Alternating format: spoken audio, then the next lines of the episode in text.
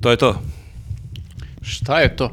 Klapa je lupljena. Klapa je lupljena, možemo početi, gospodo i gospođo. Pa ćao ljudi. Pa, Ćao. Ćao. E, vratila si se nakon nekoliko dana i u prošlom podcastu si sumnjala da će redakcija biti čista i divna i molim taj sad.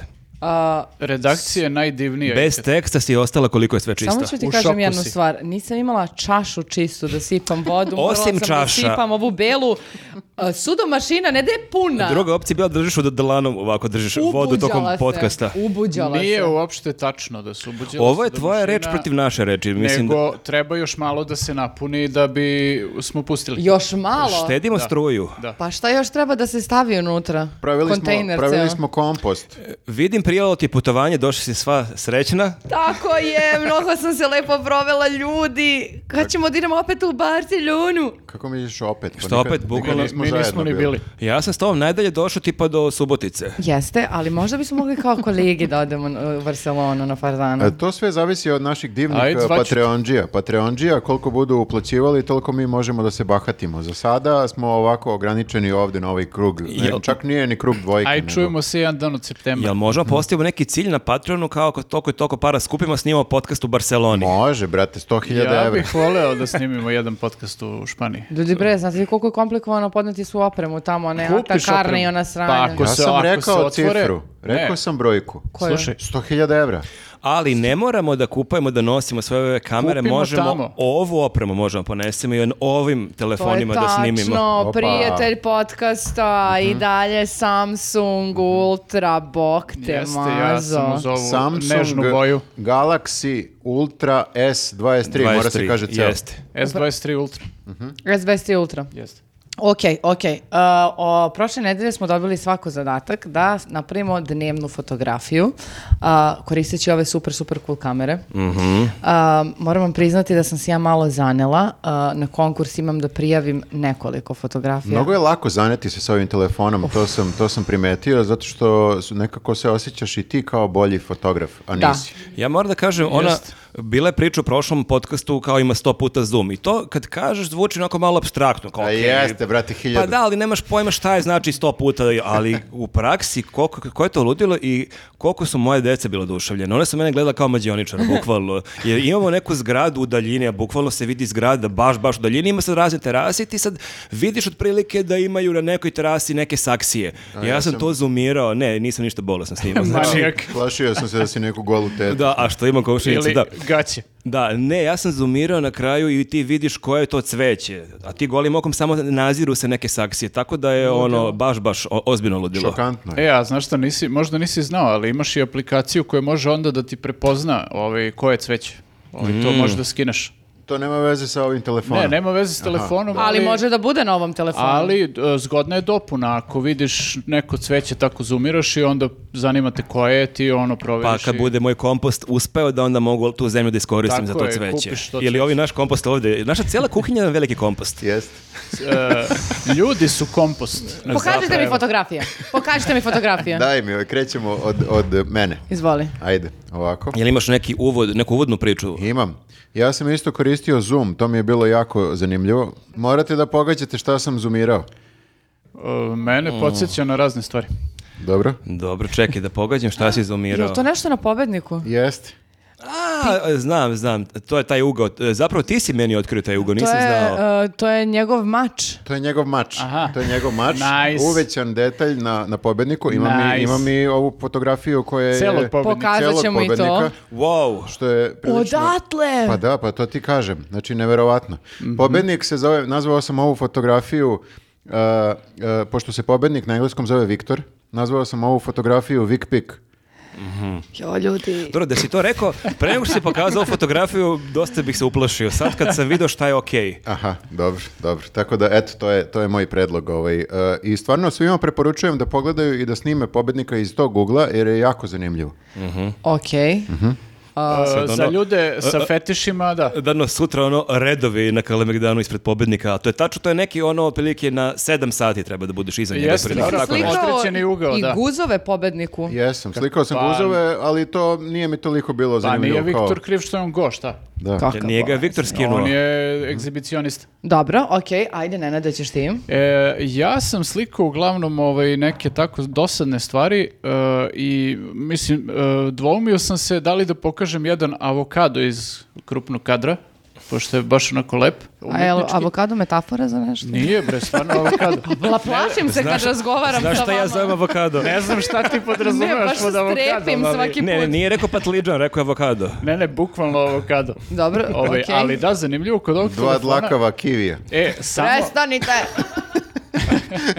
Nenade, slušam. Nisam, nisam kivi Mhm. ovaj slikao. E, zanimljivo je to što kao ovaj, šta god da uslikaš, to je toliko onako detaljno i dobro da si u fazonu, u, ali sam dobar u A ovome. malo je baš mi nekad i, ide." i previše detaljno. Jeste, da, ali mislim i slikao sam i neko cveće. Uglavnom, ako, ako ovaj, primećujete da sam sve uglavnom nešto po kući slikao, Mhm. znači nisam išao u neke šetnje ovih dana, ali na kraju je nažalost opet pobedila ova uh, Fibi, koja je prosto jedno fotogenično kuće koje je dušu dalo za fotkanje. Bišonka, i tako, bišonka. Bišonka, da, koja tako pozira nenormalno i onda... Kad je ona vidjela novu kameru u fazonu, čekaj, čekaj, ja me izumiraj Da, malo. bukvalno još više pozira kad je primetila ovaj telefon, tako da sam na kraju odabrao jednu njenu fot- fotku. Pokaži nam. I slikao sam je u port- portret modu. Jo, gospode Bože. Mm, Čekaj, mogu da vidim?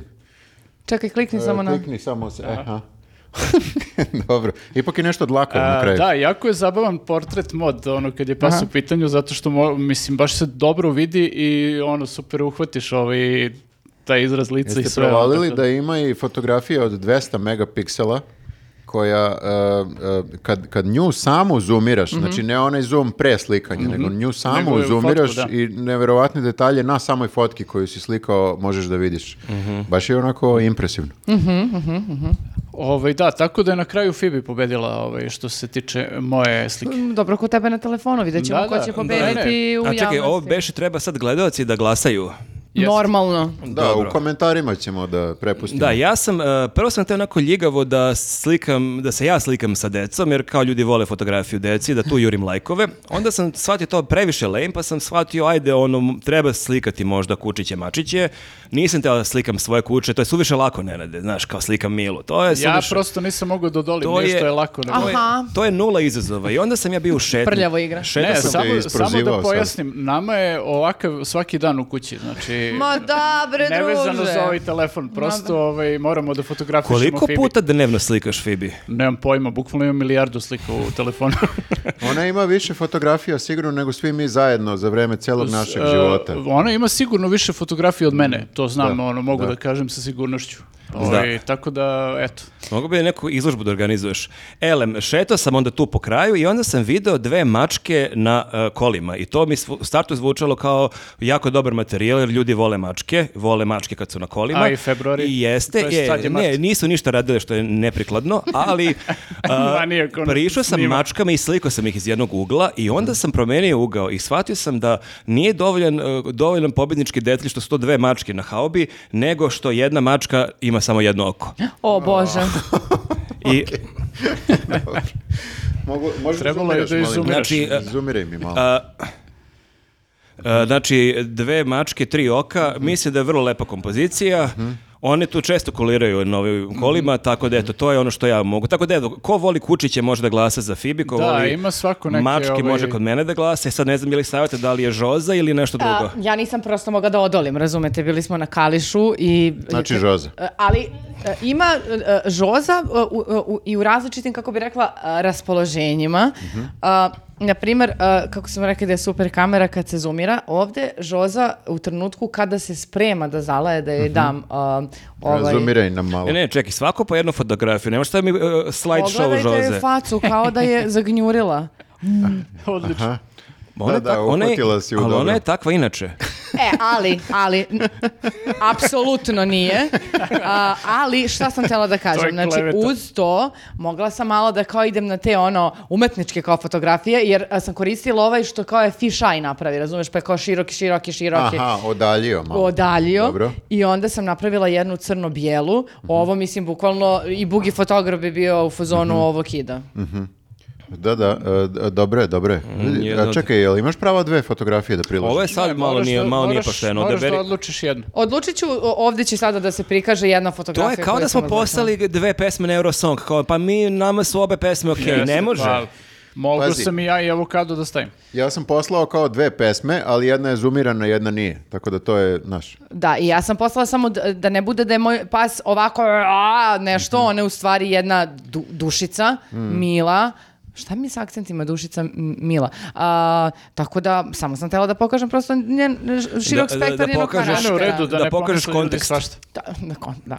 jer bez konteksta ništa. A, da, tako da, šta je, šta je što? Priložit ću ovdje fotografiju koju definitivno sam odlučila, nisam mogla odmah sada. A, šta treba još da kažemo? treba, da kažemo da e, bit će takmičenje i sledeće nelje. Da, sljedeće nedelje nam je zadatak da napravimo dobru night selfie fotografiju. Znači A, mora da bude i night i, i selfie. Jeste, zato Dobro. što imaju posebne te senzore a, i o, koju u- e, nekako svetlost a, ne, A ja sam mislio senzore za moju glavuđu. pa Koliko je širok objektiv? Meni je jako problematično da napravim dobar selfie, tako da ako ovaj telefon to može, onda stvarno svaka čast. Dobro, Neka dobro. igre tak- počnu, prijatelji, takmičenje šta da se, vam kažem? Takmičenje se nastavlja. Hvala našim e, prijateljima iz e, Samsunga.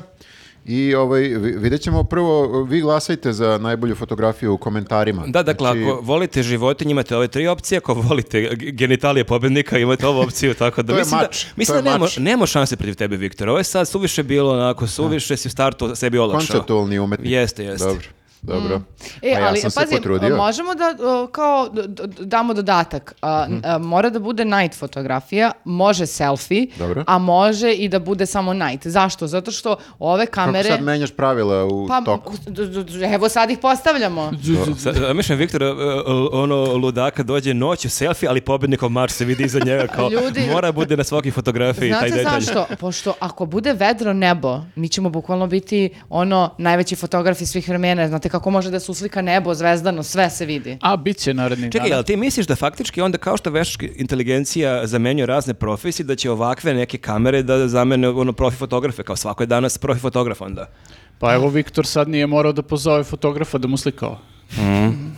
Da mi Apsolutno. slika- Znači, već da mi mu ne slika treba pobednikov fotograf. mač. Ni ja nisam morala da zovem um, nekog fotografa da slika žozu u različitim umetničkim uh, Upravo to, izražajima. upravo to.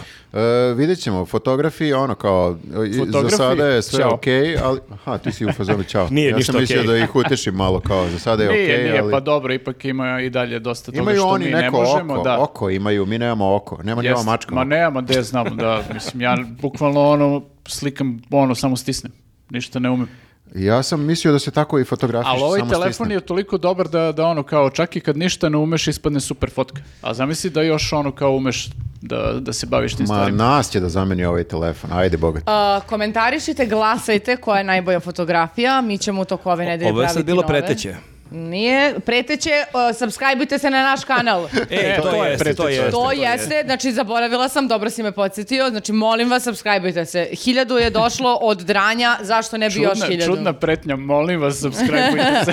I naravno nastavite da nas podržavate na Patreonu i YouTubeu i pozovite one To koji... jeste i svake nedelje je po jedan ekskluzivan video samo za vas i e, posljednjih dana ne znam kako e, koje su vaše iskustva, meni se par ljudi javilo na ulici, a neko vreme je to utihnulo, tako da Jeste, slobodno jeste, nastavite. javljaju se. Sad je lepše vreme, mi više sad nemamo kape šalove, lakše da si prepoznate, tako meni, da meni se javljaju non stop. stvarno ti si, Da, ti si da. zvezda. su- super. Prepoznaju me, prepoznaju me, imam prepoznatljivu glavuđu, verovatno. Pa zato. Dobro. Njuški, njuški. E, idemo sada. A, sada prelazimo na naš zvanični glavni deo a, podcasta koji se zove Kolegium. Ljudi, a, bio je rođendan. Čiji? ja volim rođendane. Kako čiji? Aha, bio je, aha, najvažniji rođen. Najvažniji rođendan Dobro. najstarijeg čoveka na svijetu. Jel rođendan e, 5. 6. marta, kad je rođendan? Vidi ga, ne znaš kada Ne je znam. rođen. Ne mogu da verujem. Ne znam niko. Petog, petog je. Peti. Ne znaš ni ti lupio si. Jeste? E, prilično sam onako, e, kako se to kaže, e- educated guess. Evo sad ću ja ti kažem. Ma Samo ne, da... nije, ni- nije ni ne, bitno. bitno. Nije ni na bitno. mom a, Ma nek ostane ovako misterija. Šta se desilo? Ćuti, mogla li sata mnogo gore da se nešto čuje, da ti odmah kažem. Pa pobogu ne... Neću da puštam. Bože me sačuvaj. Ali je pustila. To svi kažu. Ne znam, dobro, nije bitno, zaboravite kad je A rođen. petog marta je, Petog je ljudi, marta, verujte. evo da mi ovdje Da, utvrdimo da je meni je petog. zanimljivo što ima... Petog, petog. Predstavlja se kao najstariji čovjek u ono ikad, a ima samo 53 godine. A, To je samo, malo to je mi je samo to- desetak godina više od mene. To mi ne zvuči uopšte staro. Jer ja se osjećam mlado. Mm, ja Jeste. sam i dalje u fazonu da imam Jeste, a ne 20 zna godina. ništa, ne zna, s- ne razume se u telefone, ne razume se u tehnologiju, ništa ne zna, a samo 53 godine. ima. Možda čovjek propadne za tih 10 godina, to sa 43, 4 si dalje kao cool i onda samo kre- krene nagli pad. pa mnogo se sekira. Poslije ćemo i pričati oko čega sve, ali m, utiče to. Utiče vi koliko je sedeo. Meni, Jeste, ali imao je zanimljivu proslavu generalno. Jeste, a, i ne znam prosto od koje bi pre počela. Da li Pazi, da one za- najbliže ili... Na, E, ali zanimljivo je, pre, pre, e, pre proslave, e, on je gostavao tipa tri dana ranije kod Zozi, to ćemo Da, to komentarisati sam teo da kasnije. kažem. Pred kraj emisije Zoza, onako kako to u nekom momentu postane podcast, otprilike je tako pričao, bukvalno svemu i svačemu. A Pa sve danas ti je Časkaju, podcast. da. Zo- zozelast. I on ga je na kraju pitao nije da vi volite čitati knjige, šta vi danas čitate? I on se onako malo zbunio, kao, kao, kakve sad knjige? I onda je Zoza u nastavku rekao, pa evo, vama se bliži rođendan, koju biste knjigu volili za rođendan? Zoza teo da mu pokloni. No, Ima je da, da mu pokoji nešto. Zozo je hteo da mu se uštih, ušlihta, koliko ja vidim. Koeljo alhemičar. Ali e, onda je Vučić rekao, ma ne, m- meni nije bitno šta će dobiti za rođendan, kao koga briga, jem važnije, pro- važnije Da, baš, brige. je, baš je nekako rekao kako on rođen da ne uopšte ne ferma. Ma ne zna ni kad mu je rođen. Čak se onako malo i uvredio, aj kao šta me pitaš smaraču, Da, bre, Šta kakav- realno može da poželi za rođendan čovjek koji ima svoju zemlju? On ne zna ni kad mu je rođendan, ljudi. Ima E, državu ali celu. vidiš kako je to sad ut- ut- na tragu? E, Ne izlazi iz lika zato što je okačio na svom Instagram profilu sliku sa svojim saradnicama e, u Kataru. E, njih čet- četiri, koje su mu spre- spremile torticu na kojoj je 53. Torticu. E, I sad on ovako kaže, u Kataru je skoro ponoć. Ujutru idemo na sastanke u 7 sati i želim da se odmorim i dobro pripremim, pasim na agresije. Ipak, ove divne dame, pošto nisam bio naročito druželjubiv, doneli su mi tortu za 53. rođendan. Hvala š- e, što su tu već 10 godina, bla, bla, bla. A, n- šta me iznerviralo? A, šta sad znači nisam e, druželjubiv, ali doneli su mi tortu? Jer torta, torta čini nas druželjubivima. Pa to je način da se s nekim kao povežeš, kao aj ćemo ćeš tortu i onda uđeš u neko ćaskanje. To je, hoćeš da popijemo piće. Ali ko je, zašto jede tortu ponoć ako hoće da se naspava, ima da mu skoči Šećer. šećer. Pa E, znaš da. kako deca kad im daš tortu pred spavanje, skaču do da. dva ujutru. Pa dobro, on A jeste plus na što ne veliko- može da smrša. Aha. Uh, dosta problema. Ali mala je torta. Mala je torta nekako a, i uopšte ne deluje da, da je nedržoljubiva faca moje. A meni je tužna fotka, neko kao slaviš tu rođen, kao tu si samo sa saradnicima, nema tu ni tvojih prijatelja, ni porodice, kao ti si, ne znam, š- je li to toliko bilo neizbežno? Nije sad da rešava Kosovo, pa kao nisam mogao da propustim, ne, ne, otišao je u Katar, ne znam šta ima, u- Dobro, Marko, ovo mu je 53. rođendan. Gotov je mundijal, nema šta se radi sad u Kataru, nema sad uh, Ima ne, igra- ne sastanke. igra Srbija. A čekaj, ti Sastavlja si- se, sa, sa- sastaje se sa Emirom i Šejkom i... Ja sam prilično siguran da tamo baš može dobro da se proslavi rođendan. Mislim, ne znam što ne... Izvini, e, Ti si mislio da bi trebalo da napraviš žurku, šta? da ostane u Pa ne, Beogradu. Ne znam, nešto mi ovo... Što ti to tužno? Šta se slaviš rođena sa 53 Pa godina? zamisli, ja, sva, sva- Mator ja konj. sa vama slavim rođendan, oni s- i tu smo samo mi. Da, u Što tim- to ti je tužno? Drago mi je da si to pomenuo, pošto sam ja kupila u Barceloni Aj, pa to nismo... ovu pločicu, ali a, koju To je može... za tvoj sto. To je za moj sto, koji mogu, koju mogu, Ko nas samo sluša, piše I love my colleagues. Jeste, ali samo da vam kažem nešto, kada uđete u kancelariju i kada pročitate ovo, dobro se zapitajte da li sam ironična ili sam onako stvarno vas volim. Da, baš ćemo da se zapitam. Koliko je ovo besmisleno? 3 evra, Stari vel, stojiš dva i po evra well spent. Aha, dobro. Dva i po evro. Ne, ne, ovo je Gospode bukvalno... Bože, koja je cena u toj Ne španji? mogu da provalim ko, ko ovo treba da čita. Ko, I E da, kome se kupuje stoji, ovo? Kome se kupuje? Pa ja kupim sebi. Ne, okej, I can buy myself flowers, to mi je jasno. Da, jel možeš ovo da Ali- kupiš ozbiljno ili samo ironično? Ali kom, ko ovo treba da čita? Ti sebe podsjećaš kako nas gotiviš. Pa Jel to? jeste, ako E, mi nekad pa ide... treba ti baš- podsjetnik. Kao na primjer sad Marko. To je statement. Ali hoću kažem, ovo je kao ona ta, e, mala tablica da bi trebalo, na primjer, da piše tvoje ime, znaš, kao, je li saveta, Mhm, pa pošto ne smo znam, ni ja. ozbiljna Ne, firma, ovo je u pa... stvari motivaciona poruka, ono, je li Ispred- savjet ovako gleda i da. kao I love my colleagues, I love my Ti colleagues. vidiš I kako love je u my toj colleagues. Španiji, nema, vidiš koliko ljudi imaju problema s kolegama kad moraju da, bodre jedni drugi ovako. na O- engleskom. otuđe- Pošto ja Ne. e, sebe ne moram da bodrim. Na sv- Prvo ovaj što je prevrno očima kad sam nekad idem u Barcelonu, ti što si rekao, zamisli, ja slavim 53. rođendan sa vama. Kao nas znači, to četvoro, kao wow, torta E, od Ko da kolega. smo neki gadovi gubavi, znači ne znam šta vam je. Ne, ovo samo pokazuje koliko je otuđenje na tom zapadu. Aha, to Ali, ali, slaviš sa nama četvoro, ali u Kataru. U Kataru, to je Aha, okej, da. pa da. to je okej. Ja kontam- Nema, nema ni alkohola, nema Ja ništa. strava, ima samo torta u E, ponoć. Tortica. Meni tu Pa ništa je to igronica neka. Izvini, meni to nije ništa tužno. Gde god da se zadesiš, a rođendan svaki ti je... dan, svaki dan mi je rođendan. Svaki dan mi je... Da, E, a, ali da, ali za to vreme u Beogradu je bilo gala. a, jeste, slavilo se na više frontova. On je baš kod drug Tito sad jebote. ono. Jeste, ovo je bilo jako skromno. On s- Jeste, slavi da. skromno sa tri koleginici i torticom, ali zato ovde gruva na sve strane. Nije Mm. mi jasno to. Pa, On, kljada je on- čak bila. On bi voleo da mu se tako proslavlja rođendan. On da neki nalog kao voleo bih ove godine bakljadu. e, Je- je Jel to- on da ili on kaže ove godine bih hteo da ne, bude nešto Iznenadite me. iznenadite me i onda ovi biju glavu, biju glavu i na kraju sin kaže ajde ja ću povedem A sin je baš u tom navijačkom modu, on Pa baš i ne ćala odstupa je, levo realno. desno, ne, nemaš kao ne znam kakve druge opcije, ono, ha, bakljada. Da, ne, Kako- neće kako da je- smisli nešto samo onako emotivno i kao, ne znam, nije ovaj, lepo, nego mora da Jeftino, bude ajde to kažemo nešto. jeftino. Pa brate, Pa, nije da. dečko poznat po odlasku na simfonijske u koncerte simfonijskog orkestra, nego na odlaske, po odlascima na, na utakmice. Čekaj, e, Ne možemo on- da očekujemo sad da će da zasvira Čekovski, Ma te mislim. baklje su im ostale od onih protesta kad su... Đuka. Da. Imao je Đuka na gajbi, ima, Jeste, ima na Đuka terasi to na da gajbi. 200 komada. Hajde, te iskoristimo baklje to. Nisu jeftine. Koliko košta baklje? ti? Ne znam koliko košta baklje. Ovaj, e, on Imam je- u kapuljači dve baklje sada. Danilo je radnik u radnji. Znači on ima Jeste. prosječnu pra- platu. Koliko košta jedna baklja? Pa štedeo je on dosta. E, neko je izračunao da njemu, ako ima platu 500 evra, što je svojevremeno Vučić rekao, da mu treba tipa 4-5 meseci da bi platio te baklje. To E, sam pa na- to ti kažem. sam na- 200 baklji. 200 To sam bakalja. na Twitteru video, Pa nisam ti- proveravao. Da, ti vidi koje je to odricanje. I ti moraš da pozoveš 200 ljudi da oni ulože da neko, neku satnicu da im, ne znam da li moraš, možeš da im platiš, ali kao moraju da odvoje rade za deo svog... džabe, bre. Neće radi za džabe, Ima moraju deo dosta- svog dana da odvoje kao da, bi mahali tim bakljama. Hoće Dosta da- pitanja. Ja, Koliko ja- košta dron? Prvo, prvo, brate, gde nađeš 200 ljudi, ono?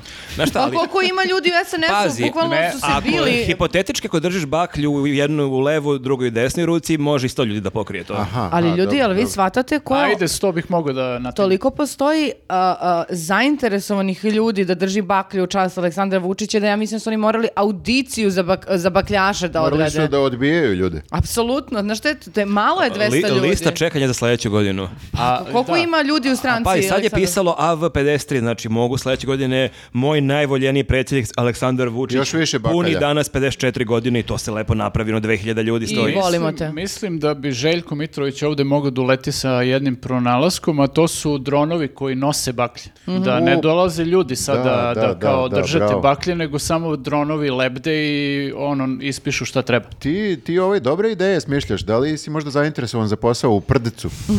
E, san mi je posao u prcu, hvala na pitanju. Budeš PR prca.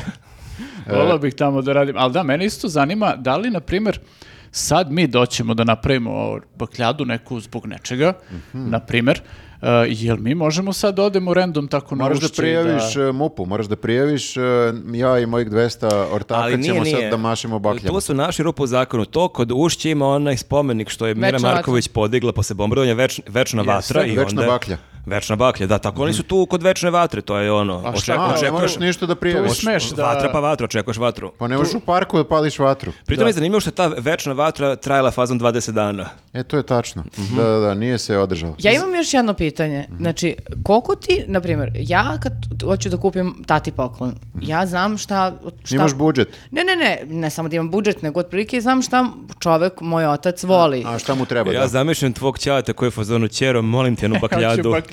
Ne, Da nego- piše Mića Turčin. U centru Jo, mi će to- Kragujevca. Ne, nego znaš što pitam? Zato što s- e, s jedne strane ti je jasno da ovaj f- e, ono, e, insistira na tome da je on skroman, nedoželjubiv i ne voli mnogo ha, h- ovo buke ni oko čega, Da, rođendan da, koji da. svaki drugi. Mhm. Kako je onda moguće da ti sin rođeni napravi bakljadu na ušću? Znači to nije 53 svećice da se dune na torti velikoj, nego bre 200 ljudi angažovano da pali baklje Al u čast to svog je- rođendana. To je u očima javnosti, to je sin, nije ovaj to tražio, Ma nego sin sam to uradio, neosporno, znaš. ali kako je, To je moguće dete. da Dete. sin... Šta zna dete šta je 200 baklja? A, o t- tome se radi. Kako je moguće da sin toliko ne poznaje svoga oca? Jer ako je otac smarač koji ne voli da slavi rođendane, a pogotovo ne na ovom nivou, ka- kako je moguće da onda to ne uradio? Zašto?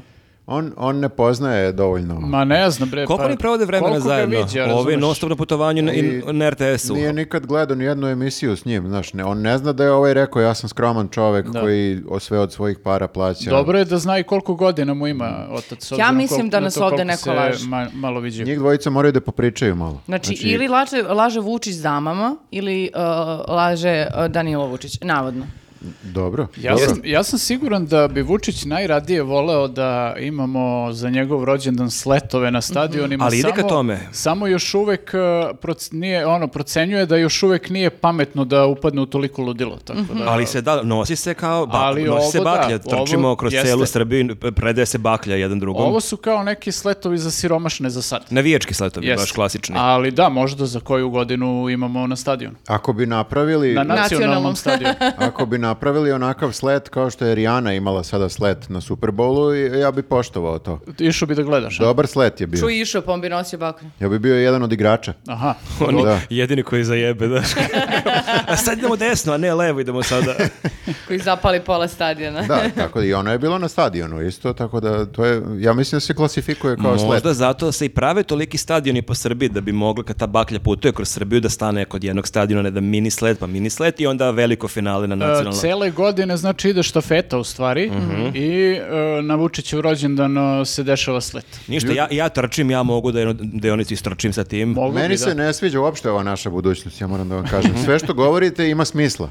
I Aha, onda Misliš ono realno je? Da, da, ono što, Realno ono što je. deluje kao lupetanje, zapravo Da. kad pogledaš, pa možda se pola ovog ostvari. uopšte nije ne- nekako ide ka tome, naš već je malo t od Tito, naš sa ovim bakljadicama i tako to. A ostaje nam samo još tri slova i to je to. Ide, ide se polako ka tome, ne sviđa mi se to uopšte. Mhm. Tako da ne znam da li vi gotivite Tita, ali ja sam onako, nisam neki fan. Ja se kao klinac, ono, bilo je još uvek tih sletova, mislim. Plako si. Nisam plakao, ali mi je bilo zanimljivo što smo mogli da kroz prozor e, vidimo e, vatromet, pa ono, kad si dete, super ti je. I onda kapiram da je i ovo kad neko dete od tipa pet godina vidi neku bakljadu, nekakvi dim, da je to zabavno. Zabavno je, da. Ja volim komunizam, ali ne volim Tita. Pa To mi je- da, i meni je komunizam kao ideja super. Mislim, svašta Bože, smo s tu kim ja imali. radim ovaj podcast, ne Pa verujem. imali smo svašta, bre, b- z- onako neke Volim komunizam, beneficije. volim i gulage i volim tako. Ne volim, naravno, i ne volim neke negativne stvari koje nam je komunizam doneo. Voleo bi da biram koje delove komunizma Tako je, hoću. Na tako primjer, je. Mhm. ovaj deo s Titom mi se ne sviđa, on mi uopšte nije delovao nikad kao neki komunista. Da, da, da, dobro, pa ništa, ajde napravi spisak, tvoj komu- komunistički proglas neki, Važi, važi. manifest do sledeće, do sledećeg podcasta. Novi manifest. Zapisat ćemo, zapisat ćemo. Uh, e, ali sad kad smo završili sa uh, tim najbitnijim i, naj, komunizmom. najbitnijim i najsrećnijim danom u uh, istoriji Nismo Srbije. poželjeli srećan rođendan. Srećan rođen, da nam, da nam poživite još dugo, Srećan dugo. rođus. Sad već možeš kaži da nam poživiš još toliko, jer to je već 106 godina. Ne to je- bi, Ma, ne da. bi to I da to je kažem pokušaj jer ubistva. pokušaj ubistva. Da, Da, da. da. Au, izvinjavam se. Ne znaš kako će protumačiti. Ali ljudi, ja stvarno mislim, malo jadno delo je kad ti vidiš tu bakljadu i ta priča što smo rekli malo pre, kako on godinama priča da je star, da je ovo, da ne zna telefon šta je ovo i kao 53 stvarno je nekako baš Nije onak- ni okrugao broj, misliš? ma mali bar je broj. 55. Ma, Ma, ne samo to, očekuješ barem mislim- 63. Da, s te strane, ok, kao nemaš ti toliko godina da si tako, kao ono, ne znaš ništa, a sa druge strane, sa 53 godine je baš lame da ti neko pravi bakljadu za Ljudi, rođendan. on je mlađi 7 godina od Brad Pitta. Znaš kao, nemaš, eh, nemaš ono kao 20 godina, pa kao klinci se skupili drugari, pa ti prave bakljadu iznenađenje, kao, brate, imaš 53 godine, ono. Ako je ovako spektakularno bilo za 53. kako li će tek biti za 80. recimo ili 90. i 100. rođendan? Joj, ne znam. ubio, ubio si li savjet u pojem? Mnogo da nas sekira me sve to, znate. Dobro, dobro. Što? Pa da, zato to što je imam buduć- osjećaj da ću- Budućnost koja da- može da se desi. Imaš osjećaj da ćemo i mi da slavimo sa njim. A, ne to, nego imam osjećaj da lik neće nigde da ode. I da stvarno, mislim to, m, s- vidjet Misliš, ćemo mi ne, još ne tih možemo da ga rođena. sutarasimo. Ma Ne ne. možemo tako da mračimo, moramo da širimo optimizam ovde. Kako je Viktor pre izbore pričao, gotovi su ljudi, FK evo. je...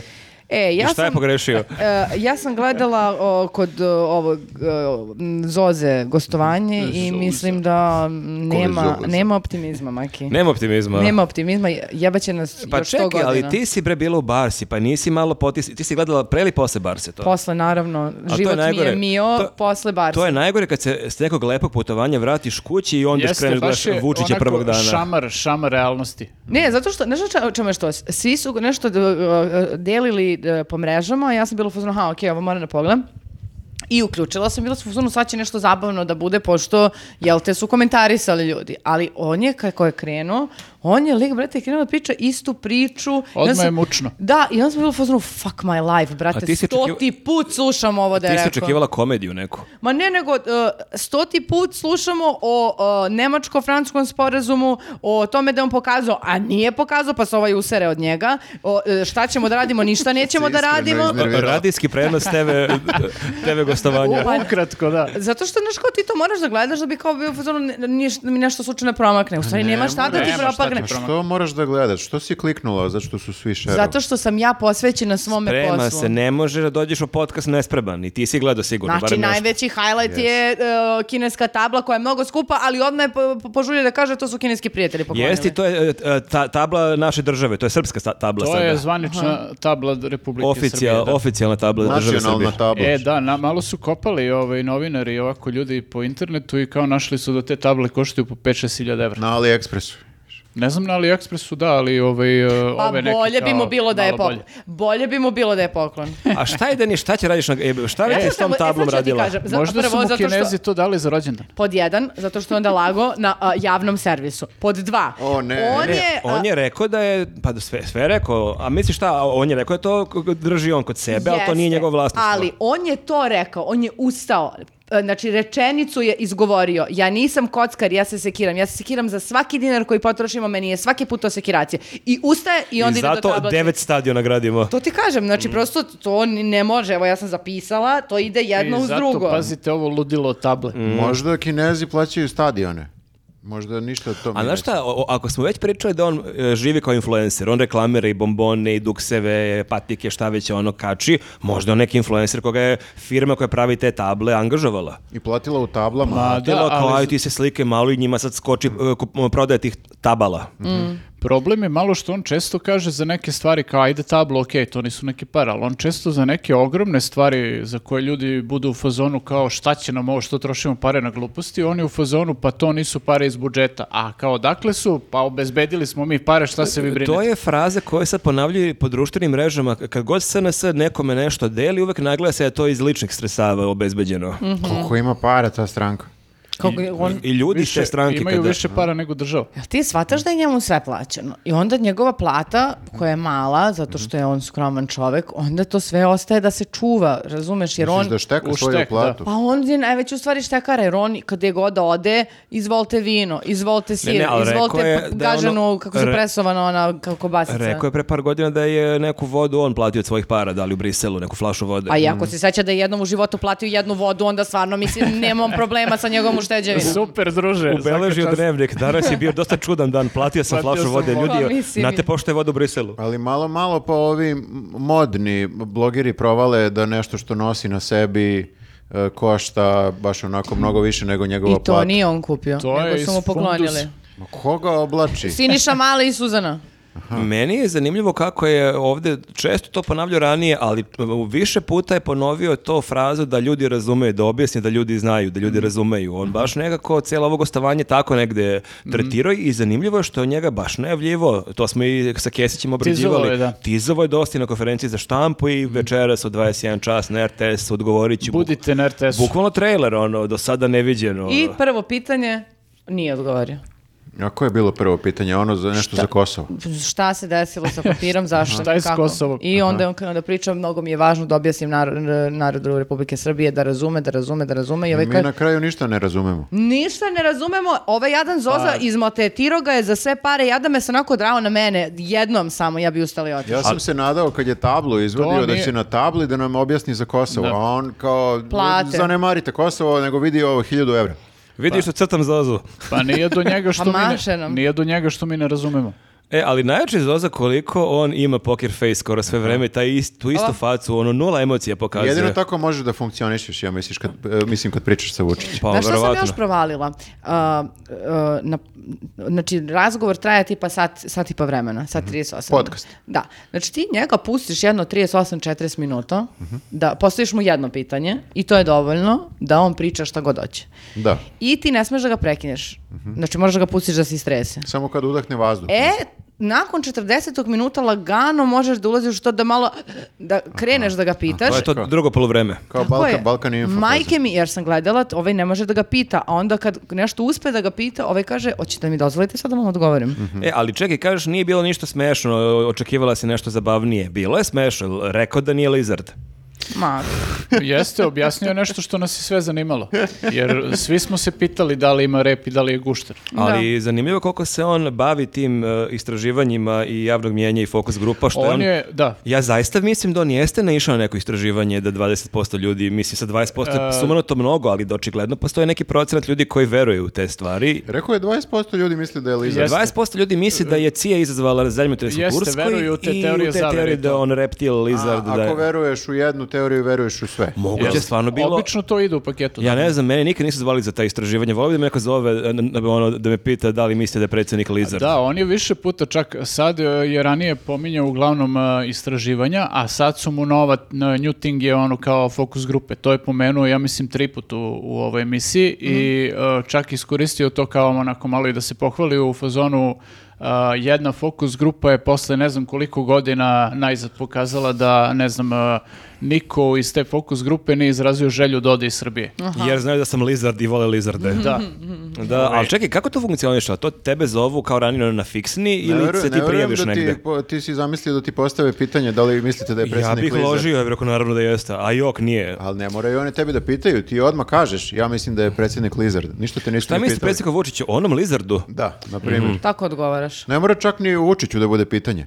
A kako mi nikad ne upadnemo u te fokus grupe? Ne znam, ja znam za te fokus grupe da je to ranije makar bilo ili i dalje ovaj, kad kao okupe ljude u jednoj prostoriji i sad kao imaš tu neke upitnike, testove, nešto radiš i kao, ali fizički moraš kao da budeš u A ti se toj prijaviš ili tebe neko vrbuje? grupi. E, bilo je ranije kao da se u- za neke agencije da se prijavljuje kao honorarno se Mhm. to čak radi da, da ti Da, plate daju ti neku- neku sitnu kintu ili da, vaučer za ili neki nešto. vaučer ti plate ovaj, ali kao da učestvuješ u tome, ali najčešće se ovaj, eh, kako se zove to radilo eh, za istraživanje tržišta za neki nov proizvod, na Mm. primjer. Mhm. Mislim, mada i Vučić u neku ruku proizvod. I, Samo dosta, nije nov. Dosta je nov proizvod, da, da. A i odakle se plaćaju ta istraživanja, da li iz budžeta? Mhm. a? Ili iz njegove ušteđevine. A, nismo o tome to pričali. isto možda kinezi Mm. plaćaju. Znate šta je meni e, d- o- z- zazvučalo čudno, pa malo sam se zbunila kad je pitao, e, o- o- e, znate koliko smo e, n- pozorišta domova kulture kao e, izgradili? Koliko? I to je pitao on Zo- Z- Zozo. A Zoza ne zna. Čuti, čuti. Prvo je, i naravno opet je bilo za autoput, A ne je znaš Zozo, kilometre, ne znaš nula, a Zozo. odavde tre- 375 je. Ja sam bilo potpuno, čekaj, koje je novo pozorište izgrađeno? Možda po unutrašnjosti. Mhm. Ja Pa ne ja znam da. mislim da pozorišta po unutrašnjosti, pre svega ova koja već postoje, bi mogla da se srede pre nego što se novi. Dobro, je bilo otvaranje dadova pre nekoliko dana. Dobro, Znači, Pa to je- odgovor je jedan. To sam ti rešio. Jedno pozorište. To je pozorišta. pozor- aha, to je pozorište. to, to me onako malo, kako bi rekao, zbunucilo. Ali je fora što... Malo te je izozao. A, ali on je to pričao potpuno van konteksta, uopšte nije bilo, bila priča o o Kosovu, o budućnosti, o pregovorima i A Pa i onda je on... plate su van konteksta. On je to pričao da ako Sve bismo van mi konteksta. to odbili, ne bi, ono, ništa ne bi bilo od ovog što je sada, a sad je, i to kad je nabrao puteve, pruge, Mhm. pozorišta, muzeja, ali je super kako je u tom kontekstu spomenuo i sportske uspehe i medalje, znate vi koliko smo me- medalja osvojili, tri puta više medalja nego u vreme onih bivših. Pošto je to sad najbitnije koliko smo medalje osvojili. Pa to je kao u onom vicu kada praviš malo kao e, digresiju na nešto drugo što, što znaš, to jest hoćeš da skreneš ljude na Pa kao, nešto ne, drugo. kao na ispitu. Kao, kao vic ide, kako beše, ono, Pericu pitaju kao da priča o slonovima, a slo- e, Perica kaže, pa slon je veliki, na slona može da sleti i leptir, i leptiri se leptir, dele da. na. Jeste, izbjegneš pitanje, da. Eto. I Ali- onda pričaš o platama, pričaš Mhm. o... Da, ali za- zanimljivo je da su svi oni krenuli da furaju tu priču, to im je sad spin, da kao ovaj, šta mi gubimo ako sad kažemo ne ovom e, Dobro. planu i to i e, bukvalno su svi krenuli to da provlače, počeo od Vučića, pa pre neki dan gledam ovog Vučevića koji kao priča, ne znam, u nekoj, e, mislim, da li je donacija ili kako god projekat za vojsku, kao i dobili su ne znam koje pare i dobili su pare od Amerike, ono. I ovaj naglašava to konstantno kao da je od, Ameri- od Amerike toliko naglašava da u jednom trenutku kaže mi smo dobili uh, lupam sad 60 ame- miliona američkih dolara. Američki. Čisto ne neko- kanadskih ili australijskih. To, to. Ali jeste Tako to... da baš ono kao sad jašu na tome da ono kao... Amerikanci prijatelji. Ali Jeste. e, to je baš pričao i, i- e, da, tad kod Zoze, kao a, sve dok mi pregovaramo, nećemo da trpimo sankcije, a ovaj kaže Zoza, pa dobro, ne možete u nedogled da pregovarate. nisu oni budale Pritom baš. kao papir koji je trenutno ispred nas nije papir za pregovaranje, ovo su stavke koje su takve i nem- nema dalje. Neka vrsta ultimatuma. I onda se ovaj uvredi, što ga ovaj pita, pa čekaj čoveče, ako ovaj papir nije za pregovaranje, a ti nećeš da prihvatiš, šta ćemo onda mi da radimo? I onda ovaj, deset puta sam ponovio, evo sad ću ti ponovim 11, evo Kad si 50 glup. puta sam u skupštini, sad 51. Tebe, I sad samo ponavlja te po, koliko puta, Ali koliko ovaj puta. ne menja facu, meni je to smešno što svako bi rekao šta, šta pričaš, kad si rekao. Ne, ne, rekao, Zozica šta ovako, god. drži ručici ovako. Aha. Čekam te posle na fajtu, čekam te u parkiću. Da, da. E, da. Zoza se nakljuke nekih A- lekova za smirenje pre i... Da, da, vidi Pa kroz ja ne ručiće. znam, ja ne znam Zabolim. kako to, jer e, stvarno o, e, o, ovaj se kao e, ga o- Vučić ga u stvari optužuje da se ovaj pravi blesav i da mu on zato postavlja pitanje, a i da smatra da u stvari on ne- nego hoće nekako da napadne. Pa jeste, oni u toj emisiji priča kako smo svi mi čuli šta je plan u Skupštini, i, s- ali se svi pravimo ludi sad. Kao, Jeste, da, da, da, to je bilo e, kao on je nama ispričao sve o nemačko-francuskom sporazumu, nije. A, Bukvalno nije, da. Onda smo I dobili... rekao nam je šta ćemo da radimo. Nije. Nije. Dobili smo papir od ovog Šolca koji je već pustio deo, deo sporazuma i ovaj ga sad pita to i ovaj kaže pa ja sam već pričao o tome. Sam ti pa rekao. niste, Šta ne niste. pričam? Pa dobro, kaži opet. Sam ja neki ludak Hoćeš- da pričam i onda- 15 i puta on isto. Kaže, pa dobro, re- re- reci opet. Hoće ti kažem 11 put, hoće ti kažem 11 put. I ne kaže. Mhm. I ne kaže. ne, ne, potpuni, potpuni. e, To, I mnogo mi je bilo smiješno. A, dakle, a, ako se napada on, ok, on je krivac, on je spreman da bude krivac. Međutim, ako se napada on, nekada su stvari napada Srbija. Ma uvek. I onda kaže, ako vi mene optuže hipotetički, da ja sad kao kupujem vreme, ja kupujem vreme, pa što mi otežavate? Što me ne pustite da kupujem vreme? Što, me- radite što me protiv? drukate? Drukate Što- me. Da, što me, što me Jest. drukaš, što kao govorite to svima, pa što me ne pustite, što mi otežavate? Teško jedan- je pohvatati, to je kao oni mim kad ima one uglove kad gledaš kao otprilike, teško je pohvatati kao č- čitav taj tok, Jedna- kako to što da, jedna ide. Od, od omiljenih reči u posljednje vreme mu je denuncijanti. to je sad iskopao i krenuo to i sad, na primjer, isto, isti princip, znači ovo sad za ovo oružje što je kao pronađeno naše kao Mhm. u Ukrajini, kao i s- Rusi su u fazonu, e, šta radite vi, odakle oružje Šta vaše radite bre?" tamo, šta radite bre, da. I ovaj, isto je to, on, on sad krivi e, medije i istraživačke novinare zašto se za to uopšte saznalo, znači nije, Mhm. on demantuje kao to sve laži, ali kao svi oni rade protiv svoje države, potkopavaju kao time što jel, rade svoj posao i saznaju stvari Da, i da. objavljuju i oni su denuncijanti kao sad ono ne treba, sad treba svi da budemo jedinstveni, a ne da mi kao tu Tako ono, je, tako je. da A me pritom- drukate kad god stignete. Pritom to oko, e, oko oružja koje se navodno izvozilo u Ukrajinu e, je objavljeno u Telegram grupi nekoj ruskoj da je neki njihov portal pisao o Tako tome. je, to da. nije čak ni naš, mi, naši su to preuzeli. e, Pa nisu morali. Nisu morali. Pod broj jedan to je laž, a pod broj dva, dva, čak i što, da je brate, istina, pa brate, što, samo brate? tiću, Pod broj- samo tiću, da, brate. tiću. To je ono savjet svim A, novinarima. Meni je super e, odbrana na, na ministra o- o- ovog odbrane, odbrana ministra odbrane hehe, a, Vučevića, Mhm. koji je bio u fazonu, brate, pa mi samo prodajemo oružje, nismo mi direktno to ako je neko sa treće lice kupilo, Ako pa je mislim neko da pro- pa Mi to mislim šta- prodajemo online, pa ko to klikne, bože moj. Možda Ja, sam i ja da, da. nekad zlo, zlo, zlo, zlo. A, a, Znači, ne, ne odbrana vrhčina, a ova i, ministarka neka ruska koja je u fazonu ovako nakostrešena priča, bukvalno gledamo vam skupštinu, gledamo vam sve, Ali to ti, hoćemo a to ti je ono, objašnjenje. kao kad je ona priča ono tokom rata ovi čuva američke pilote, znaš, to je ono kao mi nismo uveli sankcije Rusiji, ali kasnije ćemo moći kažemo ne, ali mi smo naoružavali Ukrajinu. E, upravo, ja sam shvatila da to ispod žita rade, razumeš, Hmm. da ovamo sigurno ovi to u Evropi znaju.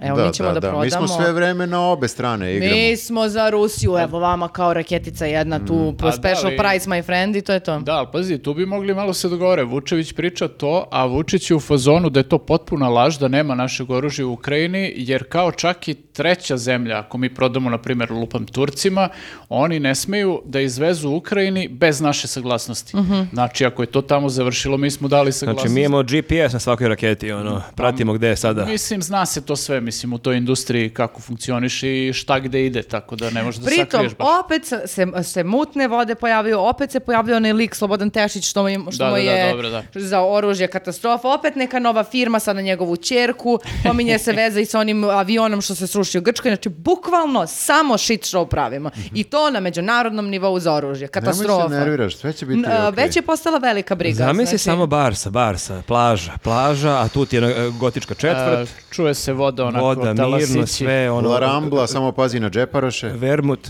Mhm. Ma kakav vermut, pijemo e, cervesu. Lepi, lepi suveniri. sangrija. Ne, ne, ne, nego samo eto, d- malo sam se tu iznervirala, se- u stvari sekira me to, razumeš? Sekira me to zato što smo uh, međunarodno prepoznati kao uh, problematični. Mišljam tebe odlična terapija, koji ti najći problem? Ljudi, prodajem oružje u Ukrajini. Velika briga. A to niko ne zna. Pa znaš ti koliko je opasan taj čovek, Slobodan Tešić, pa malo, malo pa pišu ovi saživački novinari u Ninu i vremenu o tome. O, o, Pa ne z- z- zna on, Nemoj da ne, čitaš on ne Nini zna gde vremena. se nalazimo, ne Čiti- zna našu adresu. čiti- samo knjigu. niču, samo niču neke čerke firme, neke Čitaj, sestre firme ma čekaj, i... Ma čekaj, dobro, ali- čitaj neke pesme, neku knjigu, Ma i Pa, kakav on, nin znači, vreme. o, znaš, to što čovjek prodaje oružje ne znači da ume da ga koristi. Tačno. Znaš, tako da Pa, I nemoj da pretačno. sudiš o ljudima tek tako. Mi sad igramo igru da smo u isto vreme i prodali oružje i nismo prodali I, oružje. i četnici i partizani. I, e, i za Rusiju i za Ameriku u isto vreme. Sve u isto vreme može. I Kosovo smo priznali i nismo, nismo ga priznali. Znači, mi smo u stvari i krivi za sve i nismo krivi za sve. Da, da, mi smo ti neka Schrödingerova zemlja. Sve se u tako svemu. kaže. Može tako da. Da. se kaže, da. Da. Što mi da Ili- budemo Schrödingerov podcast, na to sam mislila. Š- Mi. Pa znaš što si rekao da ćemo na kraju da najebemo mi, to jest ja. E, Ti, ti, ali ti možda bežiš u Barsu. Biće Ali jedan- ako bismo mogli i da ne najebemo. A, Dobro. na isto kraju- vreme. Na kraju će Dobro. biti jedno Schrödingerovo najebavanje. E, ali priča je, zanimljivo mi je koliko je pričao kako je on posvećen i kako Mm. opet je pričao da je četiri puta bio u skupštini između 10 i 14 sati bez pauze. E, I svi- da, svi su drugi izlazili, samo to on je. ni- ono, ni- o- ostali zajedno ne bi toliko mogli i da to, to niko nije toliko pos- e, posvećen kao on. E, Hmm. k- Kako je rekao, potpora koncentracija, gotovo patološka koncentracija. Ja, sam, ti patološki ja koncentrisan sam čovjek. patološki fokusiran. E, a jesi provalio da se, uh, ja mislim da sam prvi put za tu uh, k- konstrukciju čula kad je išao sad uh, nešto u Brisel, uh, gdje se pominju uh, broj gusto kucanih strana. Uh, sa sitnim slovima. I- Font devetka. Pa jeste I mi, onda eto, je prored Zozi onaj 12. pokazivo da vidi i kaže uh, uh, šest kucanih strana, uh, šest gusto kucanih strana sa četiri uh, šlajfne. Da Zoza pročita na licu mesta. Da kao vidi, Ali- a sad ko- kome ali ti ti na- objašnjavaš kakav je tekst, znači koliko ti kažeš šlajfne, pa Ali kažeš. vidiš, ali često ovo ti za- nama tako kad ove teme štampaš isto kao Vučić, To je štediš. gore od Vučića. Bukvalno. Aha, aha, znači opet sam ja, dakle nisi ništa napisao. To je još gore od Vučića. To je stvarno st- strašno. Stvarno strašno šta ti Čovek govorim. štedi, Stvarno strašno šta ti štedi meni papir. Ti i Vučić štedite papir. To je dobra stvar. Da, da, ekologija pre svega. Ali jeste dosta kuka kako je ovaj, e, to posvećen i kako mu je teško, ali eto, on baš gine za... Ali realno ako treba da kucaš šest e, e, gusto kucanih strana, moraš da budeš patološki skoncentrisan. Ali možeš i Nije da kao- pregledno. Ali da, select ali povećaš font. Nije to sad da on to rukom piše sitno pa da je to izginuo Mhm, zbog toga. Mislim, Kras- baš je- krasno. O, Krasnopis. ja bih rekao da su to nepotrebne informacije Jesu. za nas gledaoce. Kao koga briga koja je veličina fonta, nego da vidimo šta piše tim fontom. Ali zanimljivo je, ne znam što on te stvari priča, jer kao Zato to... Pa da zamajava, zamajava. jeste. vidi ovo, vidi ovo. Ali Zozi opet pokazuje. drama- vidi, vidi, vidi, vidi. dramaturški bi ti bio u fazonu, ljudi će promijeniti kanal, koga ga briga da li je gusto kucan font ili e, nije. Ne zvuči kao nešto što će da ti kao kupi pažnju, a on to radi non stop. Pa Nema možda ve- ima nema veze. ljubitelja šlajfni i gusto kucanih Ja, strana, da. pa ih to loži. Ja više ne mogu da procenim uopšte šta kod ljudi od tih stvari pali, šta ne, gde, da li neko promeni kanal u nekom momentu i zbog čega, mislim, potpuno mi je enigma. To Mislim, znam. treba sad odmah da kažemo pre bilo kakvih izbora, znači ovo je sad već predizborna kampanja naša, znači da zapamte ljudi da ovaj lik nešto pokušava da nas smulja i da obavezno ne glasaju za njega na sledećim izborima, kad god budu za dve godine, za, samo Možda zapamtite. taj gusto kucane šest strana to prelomi koje što mrzim kad neko neće da poveća font iz principa ne mogu da glasam. E, a ste provali koliko je gazio e, Zozu uzgred za RTS? Da. To mi je toliko bilo, nešto pričaju o platama i kako narod živi za ozaj što kaže e, kako jeste plata skočila, ali to, su- to je sad inflacija, pa tih 700 evra nije kao pre 10 godina i on kaže pa dobro, vi eh, teško mogu da ljudi razumeju građani i vi na RTS imate jako velike plate i vi ne možete razumete kako narod živi. Jeste, da, i A, optužuje oni hiljadu- su milijunaša. Jeste svi. i onda imamo s- nastavku kad je ovaj pričao nešto o korupciji, rekli ste da će svi odgovarati, jer se to odnosi na članove vaše stranke, rekao je za korupciju će svi odgovarati i u SNS-u i u RTS-u, svi koji su se ogrešili ići će u zatvor. Jeste. Ali nije samo tu da komentarisao, komentarisao i kako ga blate. I onda O, ga je Zoza da. pitao, a jel vas na RTS-u blate, izvinite. I onda, a onda je Vučić u jednom trenutku kad je pokazao neki pa- papir e, sa nekim potpisom, rekao je ovom malo kamermanu, sine, e, zoomiraj ovdje da se vidi, pošto RTS voli da m, ne pokaže neke kao bitne... Ne, ne, RTS dokumente. je njegov najveći protivnik. Jeste, a to- a k- kad ga slušaš kako proziva Zozu, ti si u fazonu ove najveće opozicije na televiziji u zemlji, Mhm. jer kao on između ostalog ih je optužio i da, vo- da su vodili kampanju protiv ovog tužioca koji je Mhm. ono, degradirao ove tužiteljke. Ovaj, I čak je dotle išlo kao da oni vode kampanju protiv njega i ti si u fazonu jesi ti kao, ne znam, na N1 ili Novoj ili ovo I za RTS. Rio Tinto ih je optužio kao da su bili protiv Rio Tinta, A čekaj- isto kao su podržavali e, te nerede na ulici. A ovaj prilog na RTS u dnevniku o ovom protestu, po, podrška ovim tužiteljkama je bio, koliko sam razumeo, odmah pre sporta, otprilike vremenske prognoze na samom kraju. Da, da. bilo Ali što je kratko. bio. Jeste To je u problem, da. 27. minutu. Pa, ali je bio, izvini, Pa molim to te. je isto kao onda kad su, i- mislim, kad god su neki protesti, ako RTS uopšte objavi informaciju o protestima da su bili, njima je to već problem i prozivaju RTS, Mhm. onda ostrave se na njih, tako da... znaš, Ne znam, sve ovo je bilo već mnogo puta viđeno, ali ovaj Lizard je meni stvarno, pošto on je, ne znam da li ste ispratili, to je jedan put uzgred rekao i Zoz rekao, dobro, aj sad, to nije... Nećemo te Bukvalno ga budalaštine, je, ono. Vratio se na to, vra- da. ono, nego da se mi vratimo na Lizarde. Na bitnu Video, je- temu. video je da ga to nervira. Zajebite Kosovo, nego da vam ja kažem, ja nisam Optužuju me lizard. da sam gušter, slučajno Dijam- nisam. Dijam rep. Nismo do kraja objasnili Pa- narodu. ja, mislim, volao bih da pokaže da nema rep. Ako već hoće da nam dokaže da nije Ne na de, lizard. ne na de. Pa ne, znaš šta, pošto lik Ti mnoge stvari želiš da gledaš i pazi. gledaš zna- znajući te. utvrdili smo da lik laže konstantno. Znači, možda ima rep. I onda sad, e, što, ako mu ne verujem za gomilu drugih stvari, što bih mu verovao da nema rep?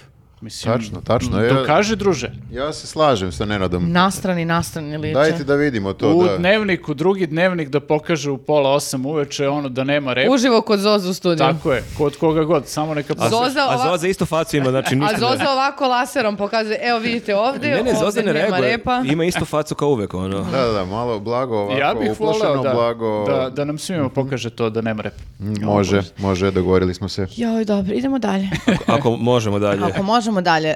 Uh, od ostalih vesti izdvajamo da je Ana Brnobić uh, gostovala kod Jovane Jeremić. U, kakav kombo. A, snage da to pogledam do kraja, do, od početka do kraja, moram priznati, nisam imala. A nema šta se gleda, ono je dovoljno samo vidjeti ono screenshot iz tog gostovanja, vidjeti zapravo taj kontrast Anu Brnabić koji ima neki ono sako i kao I ako ima ozbiljno neki- deli priča. Izgleda kao Ana Brnović. Kao Ana, baš Ana Brnabić as Ana Brnabić, Mhm. a Jovana Jeremić, pa čak nije kao Jovana Jeremić, ovo je Ne, sad, ovo šta je je- ovo, Jovana Jeremić iz, iz 50-ih. Ona Ono ima nije. neki tanjer na glavi. Audrey Hepburn eh, Engles- featuring e, Jovana Jeremić. Engleski plemići, Da, e, na nedelja hip- popodne na Na hipodromu. hipodromu, to je taj neki šeširić koji ne mora da bude tu i nije ni šeširić, nego ne znam, ne znam, u- To je kao... ukras. Pa da, to Za su glavu. nosile ove Kate Middleton i ova Ja- Megan. kad Ja su ju- najmanje što očekujem je da tako nešto nabaviš u nekom second handu. Druže, Ja- nema nikakvih problema. Ima onaj Ercegovac, kako zove Erceg, oni š- šeširi, ima i taj, slobodno mi kupite, ja ću staviti. Imala je za svoj rođendan je nosila torticu na glavi. Ja Jeste, sve jeste. više mislim da se ona, za razliku od drugih voditelja, ne oblači u nekoj prodavnici ili radnji sa garderobom, nego u nekom onom e,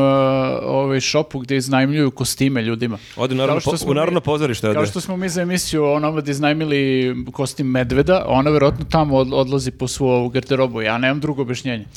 To je tačno, onih eh, kreacija nema u ovim Pa radnjama. Sad, normalnim. da, mislim da je čak ovaj jutros ili, ili juče uh, bila opet sa nekom beretkom. Znaš šta je problem? Što ona ide od ono... uh, o, stila estradne umetnice do kako mali Đokica zamišlja da treba da izgleda Estradna voditeljka umetnica. a, koja razgovara sa premijerkom Ali jedne mislim zemlje. da je to baš degradirajuće za Anu Brnabić, jer ona sigurno ne bi taj šešir imala sa Vučićem. Nema Da- šans, I nema onda šans. ovo samo pokazuje koliko nju realno zabole što je došla Ana Brnabić. Ne, ali ja mislim da se ona potrudila da, da si videla, pa čekaj... A mi i- to kao poštovanje prema njoj. Apsolutno, pa Ali- čekaj ih Žeks kad je bio nije mogla da se mnogo d- d- kuči sa odevanjem nego je neka haljina normalna bila. Pa za, i kad je Vučić bio, Žeks je uvek tu da se postara da je ova obučena kako, treba, da treba, nema da. ništa na glavi. Da, Znaš, i da ima on- neku košulju Pa i ole pristojno zakopčanu. bio je neka- kadar, Ne bude gola. kad je bio Vučić, valjda kad on izlazi kroz onih hodnika, vidio se Žeks koji onako gleda za njom iz bezumljenog fazonu, bože, samo da ne zasere nešto. Da, da, došao je tu da je dronom skine sa glave. ako O, nešto Žeks je tu glas razuma. Da, samo da ne dođu u šljokičastom trikovu. Ne, ja to, ja to razumem. Ja e, sam jednom u, u srednjoj ško- na faksu stvari imala jedan šešir, mnogo lep. I mnogo sam bila uzbuđena što ga imam. I nosila sam ga u klub. Dok mi jednom, m, jedna divna gospođa nije objasnila da se šeširi takvi ne nose uveče, pogotovo ne u zatvorenim prostorima, nego se nose na otvorenom preko dana za šta šeširi koji i služi. Ali ja sam prosto jedna toliko bila uzbuđena što ja imam taj šešir da sam ja morala svaki dan da ga nosim svuda. Spavala s njima. E, ja tako razumem da je to Jovan Jeremić. Šta će žena, brate? Pritom- Lepo je, sviđa se ona. d- Pritom Drago mi da razumeš ovo je- Jovanu Jeremić. Ovo je pre šest popodne, tako da je o- tehnički okej. Jeste, ali mislim ne može sad da stigne na neku konjsku trku i ko veliš, ajde evo premijerka je tu, to je stvar poštovanja, jel te, to je upper class i tu ćemo da I budemo. sad, kao, mi smo skroz zanemarili šta je pričala Ana Brnabić, samo pričamo o tom outfitu. Jeste, zato što je suštinski ono što sam vidjela kao highlight razgovora uh, sa Anom Brnabić bilo da je opet uh, targetirala uh, medije kako I su loše. opozicija, ono katastrofa. Dosadno. Nešto, Uh, da. izveštavali ih dok se ovaj ovde bori za nas i za našu zemlju i U budućnost. toku je nezamisliv napad na predsjednika, Jeste. nezamisliv. Jeste. Znači, To ne ono može što se spojiti. slušamo posljednjih deset godina nije ništa šta je sad ovih dana. Da. Jel To misli na nas ili ko napada? Ne, Pa A, Na sve. mislim da je meta trenutno a, a, čovek koga su k- u posljednjih nedlju dana okarakterisali kao francuz a, ili francuski državljanin, u pitanju Aha. je Miloš Jovanović, a, koji, koji ima dvojno državljanstvo, a to se kao zna još. ne, mislim da on je jedan od, ne vjerujem da samo Jedan misle od, na da. njega, nego Ne, ne, između ne, ostalih je i naravno, on. nego mi se čini da Ali su- potenciraju to kao da ima znači, A, Užasno francusko državljanstvo. potenciraju zato što je i Vučić kod Zoze odmah na početku rekao mislio sam da je prirodan, pri- pristojan čovek, a u stvari A u taj stvari francuski Francuz. državljanin Miloš Jovanović. Sad A gde Brnabić- ti je baget francuzu, Da, gde ti je prozvala kapica, nema je. prozvala ono- je i Ponoša zato što ima Mhm. Hrvatski. hrvatski pasoš, I prozvala je Milicu Zavetnicu, mnogi to nisu primetili. samo- zato što ima uh, ruski pasoš. Ne, nema ruski pasoš. Ukrajinski. Milica, uh, Milica se preziva To bi bio uh, twist. Stamenkovski Đu- Đurđević. A da, sad se više to Đurđević ne spominje. Oni su izbacili uh, Đurđević i zove je samo gospođa Milica Stamenkovski, zato što To nije naići. nije na ići. Niste primetili, Jeste, jeste, suptilna, malo je- suptilna prozivka. Znači, E, malo su, meni Mhm. je ličilo ono malo to Anino, taj nastup na prebrojavanje krvnih zrnaca. jeste, A jeste. niko nije ni znao kako se ne preziva, svi znaju kao Milicu Zavetnicu. Svi Malo misle se da je zanela, znaš, Zavetnica prezime. Jer kao misli ono kao ako neko ima pasoš neki pa kao legitimno je da ga prozivaš na konto toga, ali zapravo se pretvorilo u to kao prez, Boška, prozivaš Boška, ljude. Boška proziva da je peder, ja mislim da je to. Kako ona To je dosta, može da ga... dosta basic, ono Kako kao... ona njega da pisim, ona je gej isto, pa kakve veze to ima? Po, smeju da se prozivaju međusobno. Ono pederčina iz Čačka. Ali ne, u stvari samo da bi pokazali da je ovaj najveći srbin od svih Srba I naj, najmanji peder od svih E, i pedera. ali- najmanji peder od svih pedera, jer ako da Kosovo što jeste srce Srbije, on će i dalje biti veći srbin od ovih Jeste, koji- ali da, sve vreme potencira i to, isto im je to mantra ovih dana, kao da to što svi budale kao o, napadate Vučića, a, pokušava da im objasni da oni zapravo nisu svesni da oni ne napadaju time Vučića, nego napadaju Srbiju. Pa da, A, pa to da, da, da. U pričaju. svojoj zemlji čine... Ali Apsolutno. meni je zanimljivo kako je i Vučić, kad smo kod Boška i ta priča, kako je i Vučić kod Zoze pričao, ali kako on iskoristi svako pitanje da u- kroz tu digresiju ubaci nešto van konteksta. Dakle, pitao ga je Zoza otprilike kako izgledaju pregovori u Briselu, pričate na engleskom, on je rekao da, ali nekad nešto na srpskom, Kurti jako dobro priča srpski, on je to naučio u srpskom zatvoru gde je boravio, dok ga nisu pustili iz tog zatvora ovaj e, Jo- Jovanović i Boško. Kao čekaj, brate, Boško nemaju nikad nije bio na veze vlasti, likovi, ono, sa bukvalno. tim. To je bilo 2001. druge kad je on pušten iz Da. zatvora. Znači Da. Jovanović je tu nisi, nije postao u DSS-u Jovanović onda on. Milanović, ono imao Bio u šest Francuskoj jeo bagete.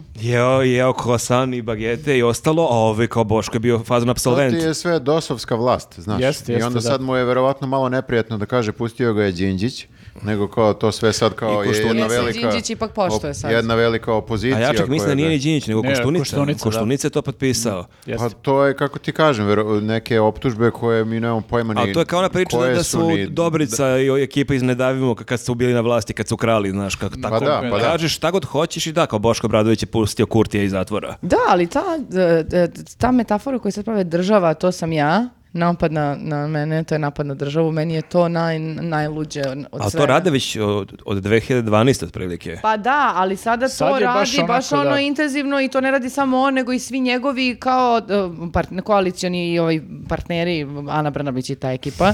Znači, nekako, n- n- znaš, dovodite do toga da si izdajnik svoga naroda što si rekao nešto protiv Vučića, m, ali sada već na još više nivou, jer pa radiš Zato što sada Vučić radi ključnu stvar, to je ta priča. Dakle, nije poenta kao da je on ne znam šta, ali sad se rešava ono i sad treba da svi ćutimo. Pa, Sad se lomi. Ali rešava se već 12 godina. Mislim da je u tome poenta da se nastavi da se rešava ovako u nedogledi, što ja Jeste, mislim da je da. moguće. Ma da je moguće, pa nije, da ne, tamo u, u toj, tom Briselu ne sede samo Srbi i o, Albanci, pa ajde kako ćemo, lako ćemo, sutra ćemo. Imaš termin, zakupio si salu Jeste, sledeći u ima martu tu, i svi to je to. rešavaju neke svoje Pa, probleme. naravno. Mislim, oni već sada imaju te neke datume, 18. mart, 24. mart. Ovaj ga Ako pi- se ne desi, tad dođe sledeća garnitura u Čujemo se Briselu jedan i od oni nedelje. Mm. preuzimaju, oni preuzimaju sve ovo što ovi prethodni nisu rešili. Jeste, ovi naši pojedu te papire i ne zna niko šta se je Ovi naši dogovoreno. su konstanta. Ovi tamo u Briselu se menjaju i oni ko na da. traci. Pa znaš šta, nisam siguran, ja mislim da će ovi sad, ovaj, kao, znaš, imaš tu priču da su kao evropljani doveli SNS na vlast da bi to završili Mhm. Kosovo,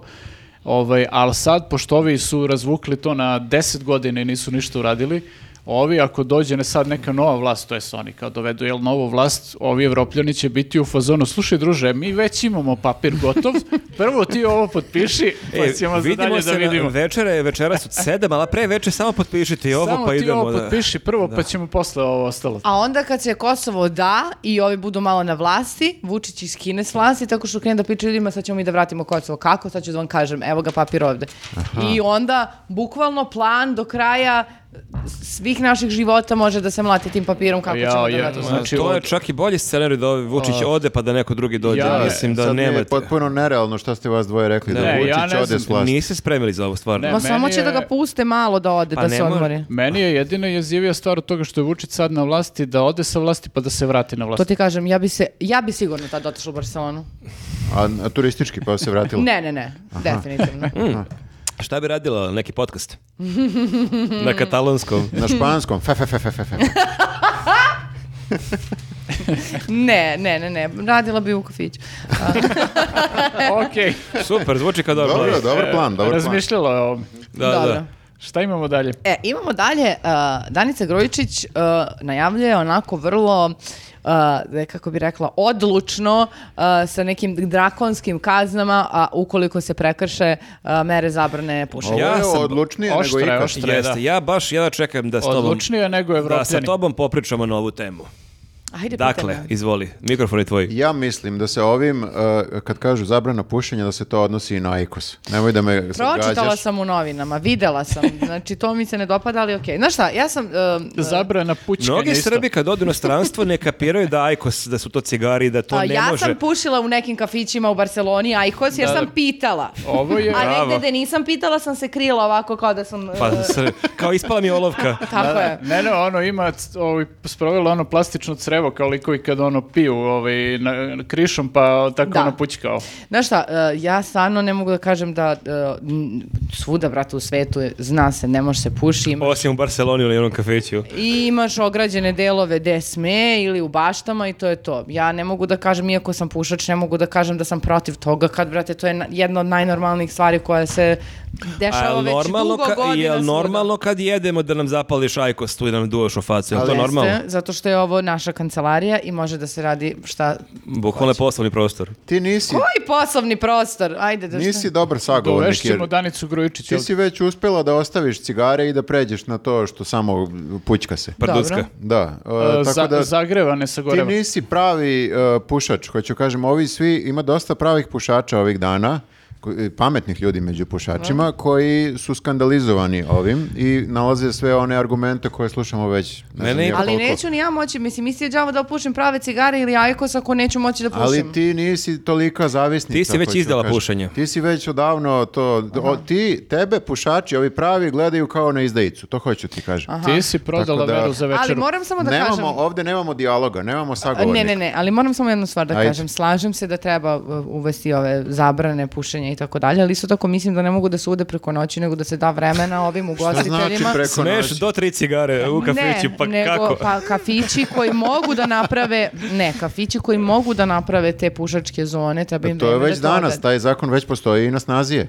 Kafići svi koji, mislim to je, valjda znamo gde živimo, svi kafići koji mogu da biraju da li će da naprave zonu ili neće da naprave zonu, on- Ne naprave zonu. oni naprave pa se vremenom to malo onako kao... Ali sad nema pušačka, Na ne kraju je pušačka u zona tom tvoj smislu. sto. Znači, Ima, ima. a, a, o- ali ona fizički mora da bude ograđena, tako da se u tom prostoru ne osjeća dim. Neće znači, ne ti ovo to. sad kao da li želi tu pušački ili ne Neće pušački ti to deo. nijedan kafić E, uvesti, ja sam, da ti ovaj, kažem. daj, e, ja sam nešto razmišljao, ovaj, e, e, da li bi ovo moglo da se reši tako što, mislim, gledam recimo kad, godem, kad odem na neki koncert vani, pa kao imaš to klub koji je po defaultu ono mali, skučeni i kao zadimljen, recimo masa ljudi tu puši, razumeš, i ti ne osjetiš apsolutno ništa, znači imaju jako dobar sistem ventilacije. Da li bi to bio način ono za kafiće da svi ulože u to Pa da, ali opet i za to treba, znaš, kao da i skupiš Pa, te pare. i Ali uložiš. to koliko u praksi funkcioniše. Ti imaš te kafići i kod nas koji imaju dobru ventilaciju kad su polu, polu punili, kad se baš, baš napune, usmrdiš se. Ali ja Pa, mislim da ali tu nema... verovatno imaš jako, mislim, verovatno imaš ono neku baš dobru ventilaciju da se ne osjeća ništa, jer ovde kad sam bio na tim nekim događajima, znaš, puno je ljudi i stvarno dosta ljudi puši i ne osjeća se ništa. Verovatno zavisi koliko uložiš u taj sistem. A je li to uopšte opcija sada? Jer ja koliko sam videla, u ne, mislim, u nekim Ne, mislim restoranima da i nije. kafićima nema opcije da može da se puši. Znači, možeš samo napolju. I meni je super to kako se ljudi stalno vade kako bi svi kafići i restorani Ne bi se zatvorili propali, ma. sutra e, ako zabraniš pušenje. Mi imamo McDonald's koji 35, skoro ne znam, 35 godina postoji u Srbiji gdje je normalno da ti ne Gomila pušiš. zemalja ima zabranu, nigde nisu propali ugostitelji. Mislim, o čemu pričam? Samo smo se mi pušači posmrzavali ko Jebi pizdurine, ga, ali pa to je ne- to. neko Ali mora to da je trpi. dobro jer vi na taj način se lakše upoznate. Ti si na cigari napolju neki tipe, imaš upaljač i to je odmah priča. A ti kad si ne pušač, džuskaj, brate, mm. Mm-hmm. Ja kod sam- Đugani do, do besvesti. bre. Ne, ne, nije mi pravo da kažem, nisam srećna, ali da ću poštovati, Ja sam baš poštovat ću, skoro brate, gledao normalno. ovaj, jednu priču koja je povezana sa ovim na neki način, ali e, pre nego što je krenula sva ova polemika u javnosti sam gledao taj prilog, e, radili su prilog sa ovom nekom ruskinjom koja dolazi u moju teretanu i koja vežba druge ruse tamo. Imaš Ovaj, teretanu svoju. Imaš teretanu i, i gledaš I- i prilog o ruskinje. ruskinjama koji idu u tvoju teretanu. a, kucaš, a Google, a ruskinje iz moje teretane, images. e, Ne, slučajno mi je izašao video i ja vidim, e, kao znam de, Mhm. ovu devojku, čekaj da vidim šta Slučajno, priča. slučajno. Elem, Kako će da zagovara Maju kad gleda Ovaj. podcast ono, u ovom delu? Zna tačnu sekundažu. gledali smo zajedno, puštao sam i njoj. Kakvi perverznjaci. Ovaj. Nastrani ljudi, bre, rekoh na početku. ovaj, uglavnom, znači, devojka je pričala kao... To ne gledaš Ukrajinke, druže. Gledala, e, pričala je kako funkcioniš ovdje u Srbiji generalno, šta je sviđa, šta je se ne sviđa, kako je ono... e, Sviđa mi se tipovi moji teretani. Da, došla je, došla je sa mužem ovdje i dvoje dece. Sve ste nam pokvario sad, Nenade. E, moram, jebi ga. I e, između ostalo, kao kad je pitao ovaj novinar, mislim da je Kurir radio taj prilog, pitao je novinar kao u fazonu, pa dobro, a kao šta ti se ne dopada, ovaj, šta ti smeta, ono, ovaj, e, U zemlji. u, u zemlji u odnosu na, na ono, ono je, ja mislim iz Sankt Petersburga, kao u odnosu na tvoj grad, ono je bila skandalizovana time koliko se ovdje puši svuda, potpuno skandalizovana, kaže kod nas je to 15 godina već kao ćao, ne postoji ona opcija da pušiš u restoranu bilo gde kao i kao to mi je potpuno nevjerojatno koliko pušite svuda i kao to mi je užas ono, jer kao gde god da izađeš nadimiš se i kao udišeš to i sve to, tako Mi da... ovdje ne možemo da se pozivamo ni na istok, ni na zapad. Da, da, mislim, to je, čak i u Rusiji, a to imaš tu kao zabranu da, da je ono... A i u Americi imaš I ljudi isto. su se prilagodili i kao, eto, funkcionišu i dalje. A, smešno mi je bilo obrazloženje ministarke e, e, Danice Grujičić zašto se ovo uvodi, odnosno kao davala je neki mali govor na tu temu i uspjela je da kaže nešto, parafrazirat ću, ali e, pušači su najgori ljudi. I plus je dodala da mnogo je nervira zato što se sva usmrdi. To znači baš lično kod Vrlo je nje. lično, vrlo je lično kod nje. Ja sam A, mislio da dobro, tu čekaj, postoje da. neki ono kao sad filozofsko, ekonomsko, ne znam ja kakvi istraživački razlozi. Ne, sad sam u poziciji da baš, uradim ovo. baš bukvalno kao nervira me smrdi, plus kao mrzim, ovi pušači su najgori ljudi. Ali ona žena uspeva za stvar za koju se nekako u, u biti slažemo. Aha. Znači da, treba uvesti Da. zabranu u- pušenja u, u, Da. u tim prostorima, slažemo se oko toga. Dobro. Ali ona čak i oko toga uspeva da nas iznervira svojim e, e, načinom Mene kako nije govori. iznervirala, ja se slažem. Ali da su jeste pušači najgori ljudi, stvarno, kad pogledaš. Vi ste najgori ljudi. Nema I pločice. don't love my colleagues. Nema pločice za vas, nema. El, bila se kupi opcija I hate my colleagues, E, pa do- kupiš obe. dopisat će ono. Kupiš Hoću obe i po obe. potrebi vadiš koja je Možeš da potrebna. napišeš na papiriću pa samo da zalepiš kad treba. Ali meni je jako zabavno, pošto sada i po društvenim mrežama su te debate za i protiv, koliko to. se A pušači nema kraja. hvataju za neke Argumenti dete- se nalaze onako baš, baš nategnuti. I kao- ajde na Twitteru, Uglavnom se argumenti svode na to da imamo i prečih problema sada i kao ne možemo mi sad da ukidamo pušenje Jel kada... sad ovim treba da se Ne znam bavimo? ja, Hilandar gori, taj fazon. aj prvo da rešimo zagađenje vazduha, pa ćemo lako mi cigare. Da, da, kao da te stvari ne mogu se rade paralelno. To jest kao da, ako ne, sad... mislim, nije da smo baš ono kao zlatne ribice I koje ne mogu smešno da mi je, podele uvek, pažnju. uvek ovaj kreće ta debata, kao sad mi raspravljamo da li pušenje treba da se ukine, da li je to ukidanje sloboda, da li se to radi e, prvenstveno zbog toga što smrdimo, kao mi, pu- da li zbog sekundarnog dima. Ma čoveče, pisali su o istraživanjima koliko ljudi oboli od ra- k- karcinoma pluća, o, a Pa to je- 95% i- i on- su pušači. A onda sledeće imaš šta je sledeće, zabranit će masno meso, zabranit će burgere, Da, da, zabranit će... svi ti ne znam argumenti koje šta. slušamo To ono već je, to je 20 argumentacija godina, da. na nivou šta je sledeće pedofili da pravi paradu. ono. Pa- Pedofili pušači. Da. Ali ne znam zašto je to za debatu, kao da je sad to stvar nekog Pa izbora. zato što uvek, mislim, mi uvek se posvađamo pušači protiv nepušača i sad tu izbije ceo rat. Međutim, ovaj zakon nije da zaštiti nas pu- nepušače, jer kao od sekundarnog dima, bože moj, malo ćeš se usmrdiš, možda se poneku tu razboli i tako to. Zakon je da bi oni na silu naterali pušače da duže žive. Znači, za- ovo se donosi da bi ti skroz prestala da pušiš. Ne možeš ni ajkos. E, Posle nekog vremena zgaditi se. Nećeš više da izlaziš napolje, smrzavaš se i u jednom, fazonu, si- u jednom trenutku si u fazonu ma ajde bre zajebi, neću više ni da pušim. I Idem to ja, je u tere, cilj. Znači, idem ja u teretanu. Ali, da, Nemojmo preterivati. pušači su za sad makar svi u fazonu šilja onog istrtača. Zašto bih ostavio pušenje? Neću da, Tačno. hoću da hoću pušim. da umrem. Hoću da umrem mlad. Hoću da ovaj... Ma i to je, i imaju pravo ako želi, ok, što se mene tiče pušiti, ali upravo je poenta u Ali tom dimu. država im ne da, država, im ne Država, da, ali država im mislim- ne da, jer im je skupo, skupo im je Ali, da... onda, ali ako je to argument, onda će zaista moći zabrani i masno meso i ne znam šta, ono pomfrit iz ono, friteze. Ako Pa ćemo izgleda da tako da, masno razmišljamo. meso ne ubija toliko ko, ko pušenje. Dobro, lupio sam masno meso, šta E, god. ali, znaš šta sam ne znam, čitala? pušenje naj, najviše ubija od svega izgleda. Mm, Ja sam čitala ovog eh, predstavnika udruženja kao Pušača. um, o, kafića, restorana. I stvarno on je u jednom trenutku n- na početku tog segmenta o kojem je pričao, imao nekako, mogla sam da ga pratim i ne- rekao je nešto tipa, eto, je- tek što smo s- i polako izlazimo iz sranja koje je bilo s koronom, dajte nam još malo vremena. Dajte što malo da pušimo, ljudi. Nek krene taj zakon dok ne stignu svi da se prilagode, bla, bla, bla. I nekako ti sad tu, ajdi, možeš da slušaš. I onda kreće potpuno ludilo u kojem kaže i mislim što onda Danica Grujičić ne zabrani uvoz cigareta i onda nemamo ni jedne cigarete i onda nemamo kao problema, tako ćemo sad da rešimo problem. Znači, on je, e, znači, od e, nekog, kako bi rekla, diplomatskog e, pristupa koji je imao na početku. Njemu je najbitnije da može cigarete se Mhm. Došao uvoze. je, samo je izgubio niti bio u fazonu za ovo cigareta, a u pičku materinu i Mhm. onda nećemo...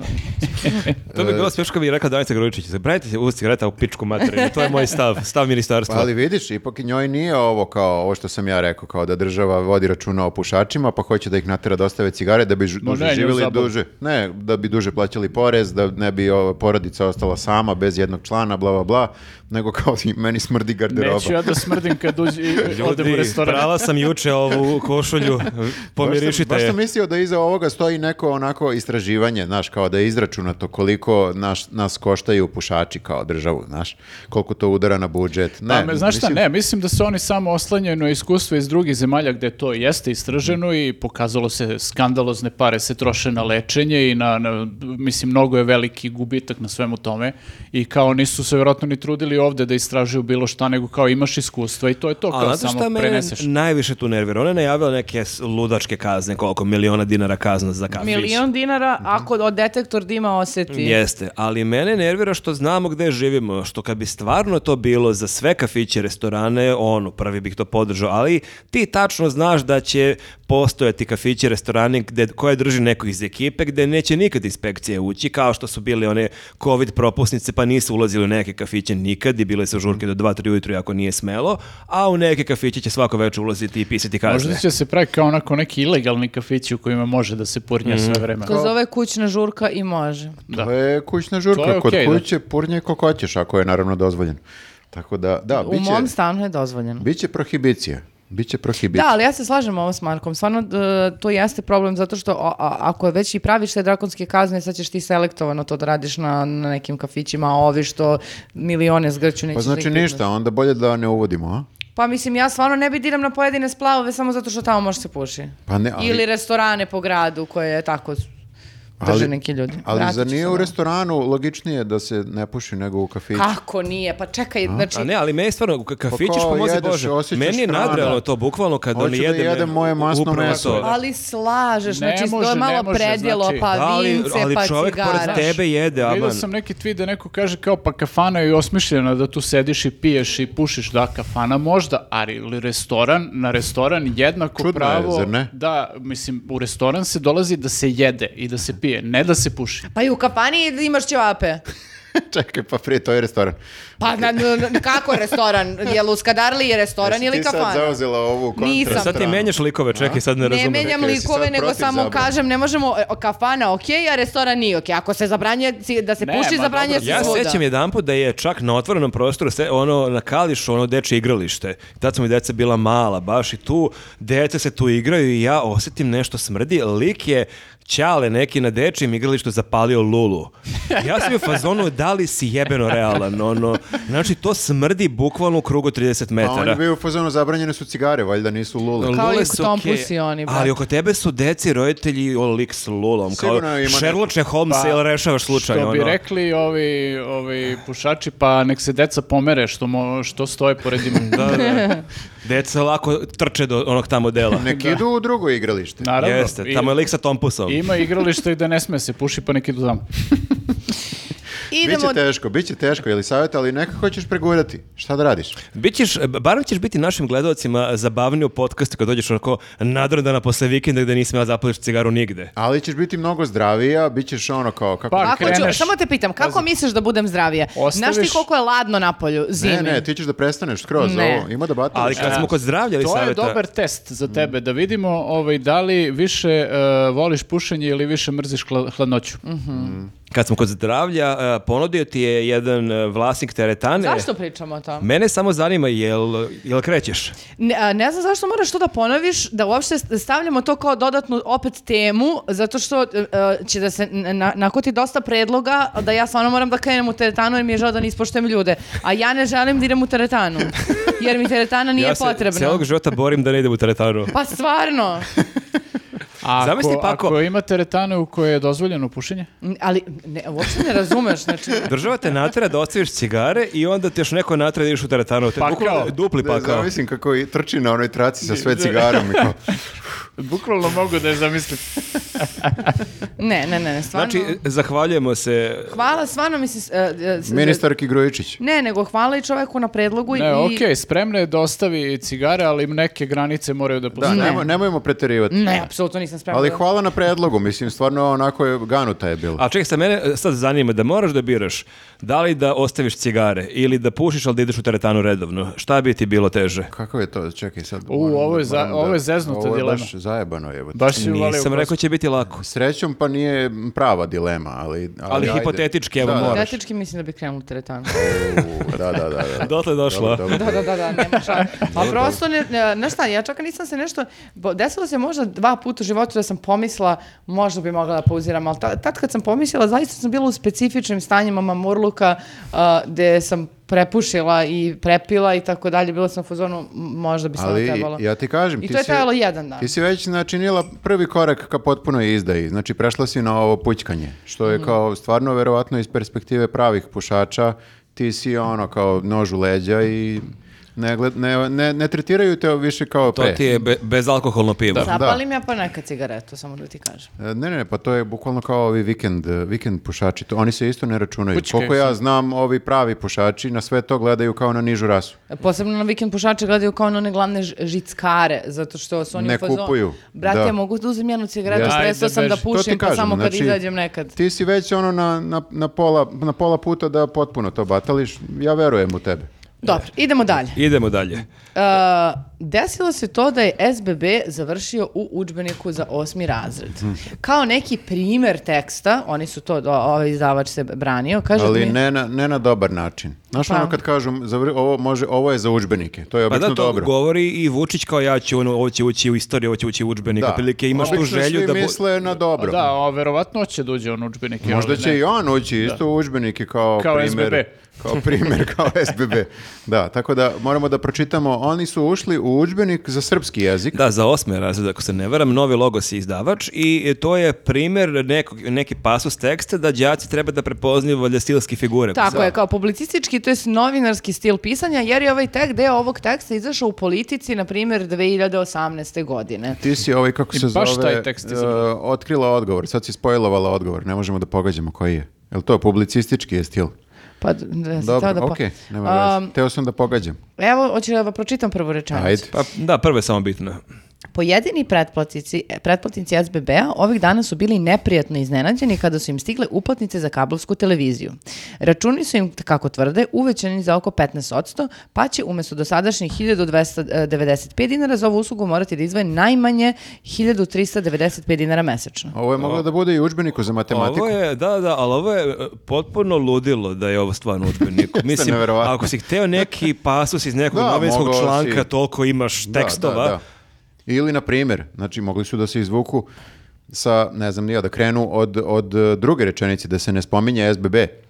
Znaš, i, i dalje bi imao isti kontekst, nešto se desilo, neka sada, kako bih rekao... Ma da, ali mislim, nije ovo toliko kao zanimljivo i epohalna vez da moraš po svaku cenu ne, nju ne, ne, da uzmeš. vest je potpuno dosadna, znači ima Da, mnogo niti je boljih vesti. stil toliko perfektan kao ovo je za policara, ljudi, moramo ovo da iskopiramo. Ali ovo, je, e, jel ovaj udžbenik mora da prođe neki sad kao savet, neka ekipa prošao je, ljudi. pa prošao da, je. da, pa da, to Ali u savjetu je lik kome, su, kome SBB uće račun. Da, i u O fazonu da, su, o jeste. Ovo je tačno sve što kažu u ovom Da, da, udžbeniku. ništa ne vidim sporno ovdje. Da. A da li je mogao da uđe neki pasus da je kompanija Telekom raskopala bukvalno ceo grad i onda ga onako zakrpila kao čarape kad krpe. Ne znam da li kod vas u kraju imate to da vidite Jeste, da je da, i- asfalt jedne boje, a onda imate štraftu jedne druge nijanse sive boje. Jeste i da, mislim, čudno je da nije ušla vest, ne znam, da krajnje agresivno vrbuju korisnike, drug, ono, konkurenata i tako to. Ili da su kao kompanija potpuno neprofitabilni i da e, broje minuse iz godine u godinu. To je za matematiku, to ti kažem. Ako je kao Engleska platila, e, ono ako je Nemačka platila premijer ligu Mhm.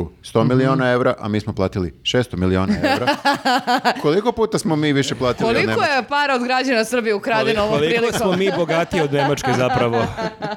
A vidiš, Vučić kad se hvali kako kidamo, ne kaže da smo v- v- v- rekordne pare dali To za ne Premier pominje. ligu. To ne Kao, pominje, a sagradili smo nekako je onako za ponos. Mnogo puteva, mnogo pruga, bioskopi pozorišta, plaćamo Premier ligu najskuplje na celom svetu. Šta be, plaćamo samo premijer ligu najskuplji na svetu, a vi znate koliko oni serije i filmova snimaju. Bukvalno Mi i gađamo imamo, parama. znači, ko Hollywood produkciju sad, samo štancuju, non stop se snima. Odakle te pare? To je, će sve da završi na nekom našem streamingu jednog dana. Bukvalno gađamo parama Mhm. koga stignemo. Ali ovaj, o, rekli su da će ovo da se kao red, ono, ovaj, izmeni ta lekcija u knjizi. Ali ovi učenici koji su ali to ovi pročitali, koji su sad oni već su već... pročitali, to je gotovo. Njima Oni je ispran su- mozak, da. oni su u fazonu mama, tate, smo mi još na SBB-u, ali Oni uvećali su- su račun za 15%. Oni su već telekom zombi. Oni će umjesto SBB-a za primjer e, te novinarskog teksta ubaciti u matematički zadatak. Dragan Šolok je imao toliko i toliko miliona te i te godine. Danas ima ovoliko ili ovoliko. Koliko je Dragan Šolok ukrao miliona? Moraju, moraju ovaj kako se zove još da se nekako potrude, jer ja se sećam kad sam bio mali da nisam ništa m, praktično čitao šta Mhm. Mhm. piše u tim udžbenicima, tako da sumnjam da je ne- to uticalo na đake subliminalno. Mislim, ja ne znam ni kako je neko ovo otkrio. Ko čita još udžbenike? A dobro, znaš šta, obično se ni deca ne pitaju koji će paket da koriste internete i to, tako da... Mora sledeće da u školama imaju one velike banere. Raskid sa SBB-om, da, moguće, Moguće. kao, ali ja sam drugi raz osnovne škole. Šta je ugovor, šta je raskid? E, Šta da raskinem, kako?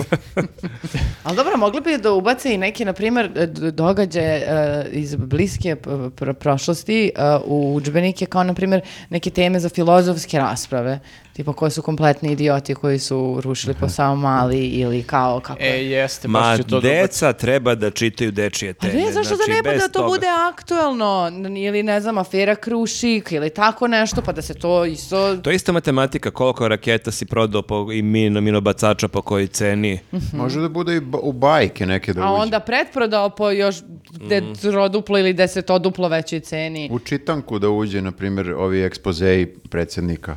To su Jeste, isto on neke, je- vr- neke vrste bajki.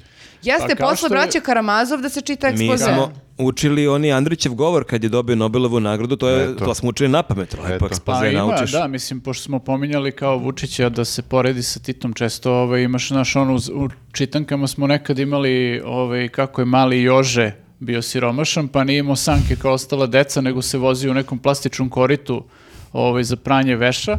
I Jesmo o- to imali baš mi, naš, gen- ja se toga ne sjećam da je moja s- generacija ja imala. sećam da smo imali Ti se ono. sećaš znaš, Meni je malog poznato, Joža. meni je Čitao poznato. sam tu priču, ono. Ne, kao Vučić, ja sam najstariji čovjek, imam 60 godina. Bukvalno da. I, ovaj, I onda je naletao na neku stenčugu i slupao to ovaj, korito jedino Ne piše koje baš su imali. tako.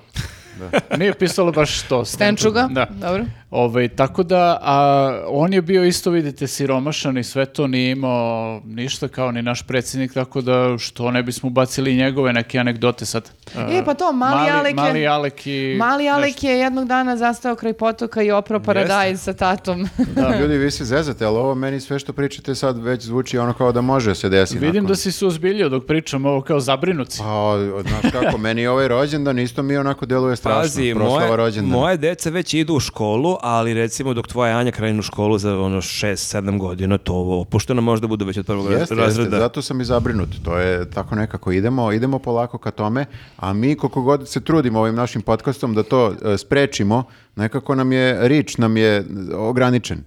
Ne znam kako da to se Nije, ti, nije valjda ti deluje da nećemo mi srušiti Vučića u ovom podcastu. Ja se sve nadam da ćemo mi. Ne, ne- a ko- Mm. Idemo ka tome, bukvalno je sve na nama ostalo. Marko, ko ako ne ti? Jeste. E, ali to kad pričate tako, u stvari rušite Srbiju, a ne Vučića. To je tačno. A, a možda bi mogli naši gledalci da nam pomognu, da nam možda opet neka koka. Da nam ut- uplate pare na Patreonu. Ne, ne, ne, ne, ne, ne, nego malo još da bustuju preglede, da se što više ljudi vidi ovo pa da rušimo d- onda Srbiju. Može, ja sam u fazonu, ne treba ono da šeruju, to je, a, nego dajte malo word of mouth, ili kako se to kaže, reč od usta. Da, znači, malo što da, bi- se, da se šeruje, ali usmeno. Ej, jesi čuo za... Da, e, da. a, znate kako, kad uveče izađete u grad, pa hoćete da zapalite cigaru, pa stanete ispred tamo kafića, da za- kad zapalite i ti... E, si vidio, brate, onaj Ne, ne, podcast od izvini, Newsneta? Šta Izvini, jel imaš upaljač? E, što, i podcast što imam jedan dobar za tebe. Da, Da, prepoznajem. mora da se nekako širi taj Jeste, malo što bi influence rekao- ili ćemo završimo kao pod diktaturom. Da, što bi rekao stručnjak Petar Vasić, boostujte fucking post! Jeste Pa i sad... završit ćemo u Barceloni, ljudi, ja ću da perem čaše, To i samo ne da vam zvuči kažem. toliko loše. Ljudi, ako ne budete nas podržavali, mi ćemo živjeti u nekoj super zemlji na moru. Ja sam pronašla neki mali restorančić kao kafe bar. a, Imaju oglas na jako, španskom. Jako st- onako starinski, sve super, gde samo žene rade. Našla si Cetinsku u I to- Barceloni. Ali u Barceloni je svaki, Ne. ka- ali svaki kafić u Barsi je dosta ovako cetinska. Ne, ne. Znači, ne znam zašto me ne slušate, šta vam Ajde, govorim. ajde, reci. Ovo je starinski kafić, očuvan. Rade samo gospođe starije. I već sam vidjela jednu ovako sedu gospođu i sve mi je kao neka bela, kao neke uh, mantiliće. I ovako ima neke, uh, o- o- e, ona ima zlatne kao uh, bižuterijicu i minđušice i bordo karmin i ovako neke crne debelo okvir uh, To si ti, hoćeš da To kažeš. sam ja kad, po- a, kad, kad ostarim i kad odem u penziju i postanem konobarica Ti si u bukvalno barci. možda z- zabala neki starački Kač. dom tamo. Jo, Kad zdravlje. budu čuli ovi iz Cetinske, ovo pa im Druže, odmah da zaposle jel ti svi znaš gospođi. kako izgleda njihov starački dom? Prošli smo pod jednog staračkog doma, gore ono gaudi Čim- kupolu, Znači, kad brate, god odem u neki projektova. grad, ja prvo kucam starački domovi. To prvo gledam, pa onda Ovo obiđeš katedrala, da vidiš. muzeje i Ovo ostale smo gluposti. na putu do, do, do parka Guelj uh, uh, pro- videli taj starački dom. Znači, starački dom, uh, kupolica, Gaudi. Znaš kako, krećemo se svi polako ka Da. tome. Gleda Starački se dom neka, je- Mm. neke dobre nekretnine za kad si starac. Šta To je pričaš, da. ti imaš, da ti plaćaš sebi do, do penzije, Jeste, ono? jeste. Ja isto gledam to staračke domove po svetu. Starački dom je merilo blagostanja jednog društva. Mhm. Da, e, a kad, smo, kad pričamo o našem podcastu, moramo spomenemo još jedan podcast koji... Koji je najebo. koji je baš najebo, da. I Mhm. čiji jedan od autora je također inostranstvo, ali ne zato što ide uživa u Barceloni i slično, I gleda nego je staračke i gleda domove. staračke domove, jako je stariji od nas. U pitanju je DLZ, Dobar lož zao podcast, Mhm. e, i pričamo o Marku Vidojkoviću koji protrili, danas smo saznali da je od početka februara van Srbije. Mhm. I da je to ne zato što je želeo da ide van Srbije, već zbog Jeste, on je stalnih već, pretnji. Već ranije je jedno morao da ode na neko vreme iz zemlje, ali sad je izgleda ono kao trajno. I to ga je odrukao Boris Tadić. Mhm. Mi ne bismo ni znali da je on van zemlje. Da, ja sam priznam, e, ja kad e, ne pratim sad e, taj podcast svaku epizodu, ali ja sam vidio one najave, ja sam vidio da je on, e, u- da se uključuje preko e, ekrana. ja, ja sam mislio samo sam- mislio mrzi ga da dođe Ja na sam snimanje. mislio da je možda nešto bolestan, možda ima koronu, pa kao u karantinu je uključuje se od kuće, nisam uopšte ukapirao, jer i- vidio sam tipa jedan put, dva put, kao ok, još je bolestan, aj bože moj, on neće da zarazi kulačina, ali Mhm. Ne, on... on u stvari nije tu uopšte. nije tu I uopšte. ne zna se u kojoj je zemlji. Boris Tadić ga je u suštini sad zajebo što je rekao da on nije u zemlji. Ali nije rekao gde je. Rekao je da je relociran. Nije, pa dobro, da, možda budeš bilo gde. Pa, Autovo ga je, znaš. a recite mi, uh, a, a, a, znači, ovi što izgleda kao navodno ne rade svoj posao, ipak rade, rekli su mu, druže, beži. Pa nisu, ne, ne, Ne, ne, nisu ne, mu rekli, nisu druže oni beži. uopšte rekli, znači što je najtragičnije, književno udruženje međunarodno PEN Mhm. je reagovalo i oni su organizovali sve uh, zato što je Našli mu videli negde su- smeštaj, da pretpostavljam. videli su koliko je zapravo ugrožen i kao isimali se oko svega i pomogli Pa Ovi mu naši da- nisu reagali, O, ovi njih- naši su u njih fazonu... zabole. Ma daj, mali. Ne, Ma, ne, da, ja- ako preti Vučić i šta sad, to je ne, to. ne, ja sam čitala da su oni dobili nekih 5-6 ozbiljnih pretnji, mislim, kao konstantno Jesu. dobiju prednje, ali I te pretnje prijavljuju. su, da, prijavili i to kao dobit ćeš metak u čelo, bla, bla, bla, Pretnje, Da. šmetnje. ali da, se, da su neki identifikovani, ali da se sad tu ništa nešto posebno ne dešava, kao što se ne dešava ni za druge koji su prijavili ovom visokotehnološki kriminal. e, A ko će sada, Juri? Oni su, koliko sam vidio, preko 30 tih prednji smrću uh, prijavili, od toga ja mislim da je procesuirano tipa pre nekoliko meseci dve. Aha. I, I ne znam šta se desilo s tim likovima, da li su osuđeni ili šta god, ali, znaš, kao, nisu rekli je vama treba obezbeđenje ili tako nešto. A čekajte, št- zašto je, e, ne razumijem, zašto je sad to eskaliralo? Zato što je sad e, e, se utvrdilo da je to ozbiljno. Mislim da je i da, a i valjda kad im je gostovao Teša Tešanović, da su u toj epizodi rečene neke stvari koje su bile možda malo radikalnije, pa su onda z- ljudi reagovali, neki gledoci na te stvari, pa su krenuli da ih psuju, da ih vređaju i da im prete. Aha. Mislim da je to bilo... Ko bi rekao da neposredno. će Teša Tešanović biti okidač? Znači nikad ne smijemo da zovemo Tešu Tešanović. Ništa, otkazujemo ga za sledeći podcast. Dobro. Okej. Da, tako da ništa, velika podrška i Kulačinu i Vidojkoviću, znamo ih i privatno, mi smo i gostovali kod njih, tad to još uvek nije bio podcast, bila je emisija koja je iš- išla na TV, Šab, TV Šabac, to je bilo neka 50 recimo epizoda, tako da velika podrška i nadamo se da će moći da se uskoro vrati, i da će Vidiš, moći. njemu se konačno isplatilo što je pisac, imali su ovi da ga relociraju. Inače, Mm. A Kulačin ništa, Ovaj ti dio ostani se tu. Kulačin ništa, eno ga onda i... Koliko ti knjiga imaš? Nijednu, pa ništa onda Kulačin, šta ti kažemo. Aj, Jel imamo mi neku Javi knjigu? se. Imamo njuzove knjige, Da možemo. se imamo- računa to ako treba neko Pa da- pazi, imamo tri knjige, 1, 2, 3, 4. Jedna osoba, U Barcelonu. Meni se opet... Napisat ćemo još jednu knjigu, evo, evo, moramo krenemo, pišemo još jednu Meni knjigu. se opet briga stvorila, znači samo da vam kažem... uh, uh, Neće, ja, objasnili smo prošli put na satiričan način da nismo mi krivi ni za što što se dešava, naročito ne ti, tako da nema zašto nas da nešto jure ili da hvataju. Ja se nadam da su to svi shvatili, baš smo onako lepo objasnili. Ma, Pa da. Sranje se zahuktava, ja ti kažem. Znači, uh, Sranje se zahuktava ka ventilatoru. Ovaj, da, nego znate šta ljudi, mislim, ja sam vaš slušam, sve to ok što pričate kao podrškice i to kao podržali smo mi Jo, sad se plašim šta će kaže, ali... i nadamo se da će sve biti u redu i nadamo se da neće nas, ali ovi su postali mnogo smarači, ovi, ti što prete i što hoće agresiju neku da sprovode, morat će oni malo da se ono nekako primire. To su nešto ih Vučić zove tastatura ratnici. jao, ne jeste. znam šta su, ali moraju malo se saberu, mislim, ako se ne saberu, mislim, znaš, neko, i sa druge strane, o, sa strane ovih ljudi koji, ono, su, u- koje oni ugrožavaju tim svojim pretnjama ili čim god, naći, si- naći će se nekada, kažem, budala, onu koja neće da trpi to. Mm. I znaš, m, ispašće ono problem iza njih. Ali, brate, mora da se saberu i tastature ratnici, ali da se saberu i premijerke i predsjednici i svi koji na televizijama targetiraju te iste ljude, jer nisu se ovi setili od tako ni od kuda da pošalju metak u čelo. Nego Jest. slušaju svaki dan kako ih ovi prozivaju na televiziji i direktno ih targetiraju i onda kao ju, odakle njima pretnje. Pa Jeste, eto, dakle. Da, mislim, kad vidiš da sam se Vučić iznervirala. stalno na- naziva ljude denuncijanti, ovaj, onda... Ja čak kao- ne znam ni šta to znači. Pa izdajnik. Zvuči baš pametno. Mhm. Da, da prevedemo izdajnik. U daljem tekstu Kad vidiš izdajnika. da on tako Šta proziva fali konstantno ljude, dobrom starom srpskom izrazu autošovinista? pa na primjer može i to da. Ali kao Denuncirani prvo kam prvo treba majci. država da ono prestane da targetira ljude i treba da ovi ono su, pravosuđe da radi svoj posao, a ono znaš ako ljudi budu u prilici da sami moraju da se brane, tu će neko na kraju stvarno do nas rada. Šone ide u teretanu, Da, da. samo da kažem.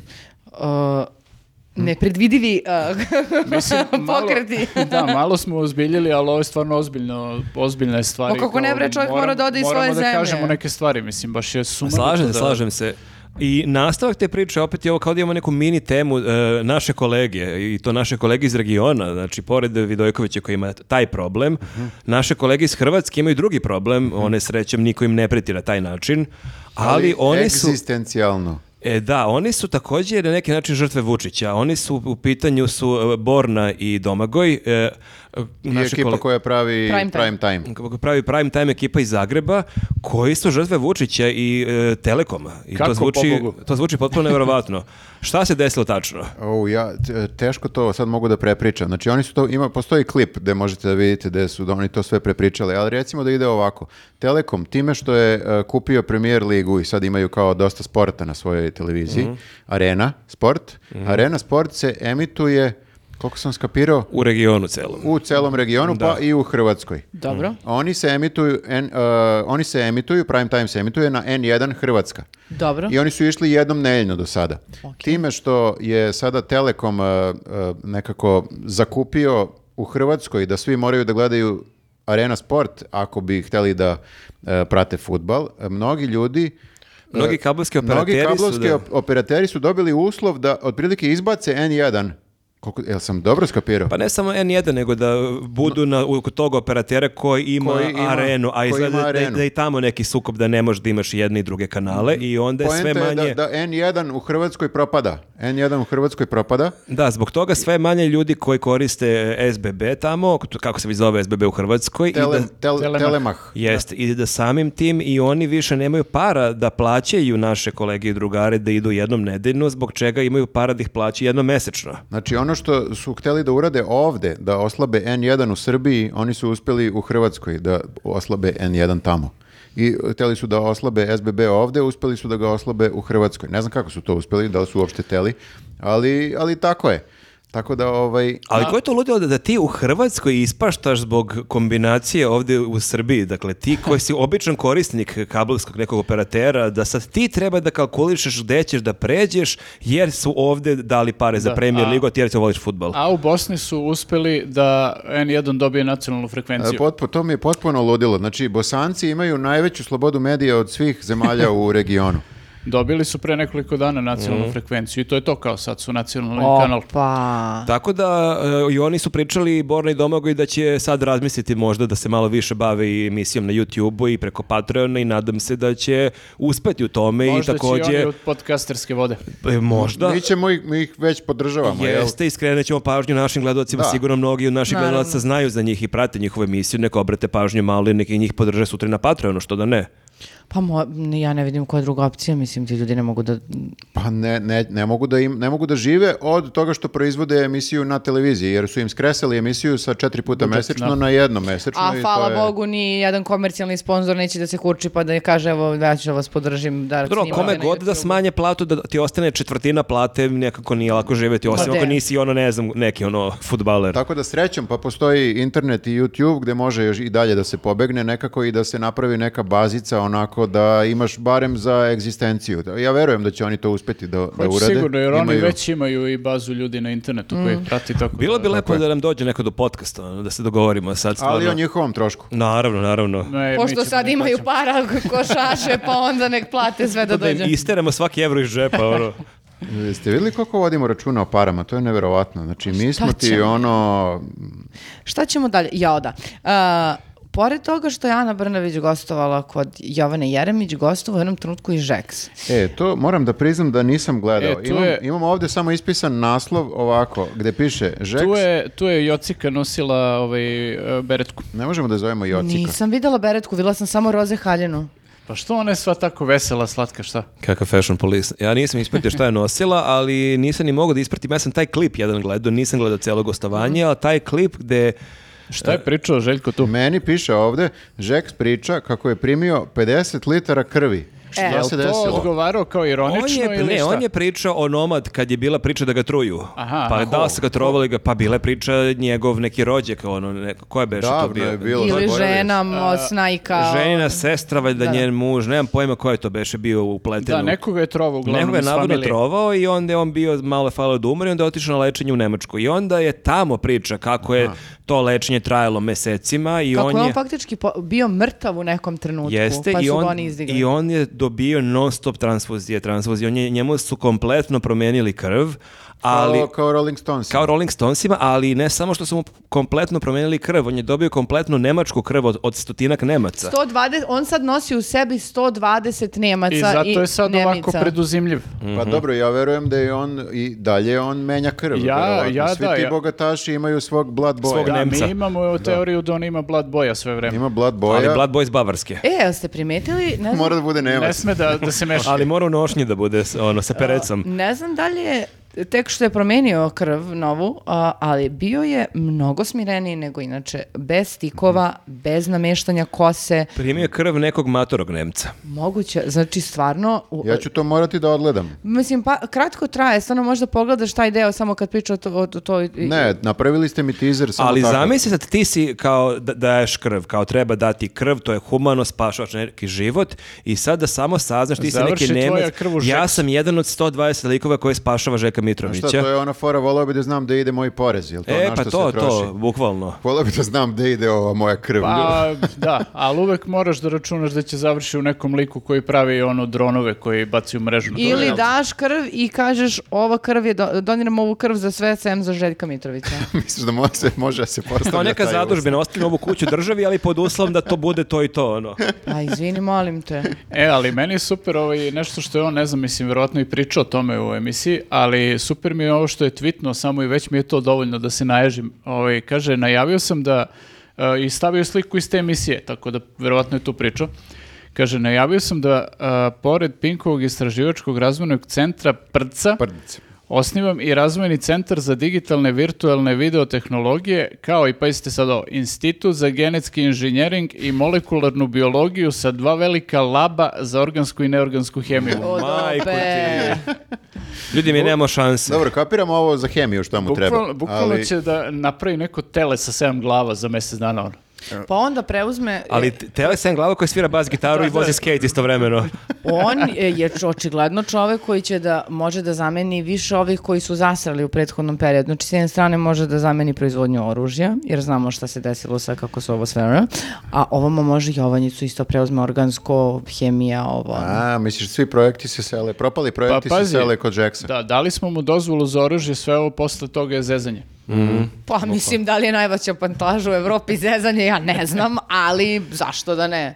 Očigledno se dokazuje da može. Ok, jesmo stigli do kraja? Pa mislim da Čekaj, jesmo. ovo je sad isto Ne, nismo. meni vrlo zabrinjavajuće za Željka. Meni jeste, znači, da, sve je mislim to da- neka budućnost koja mi se ne sviđa.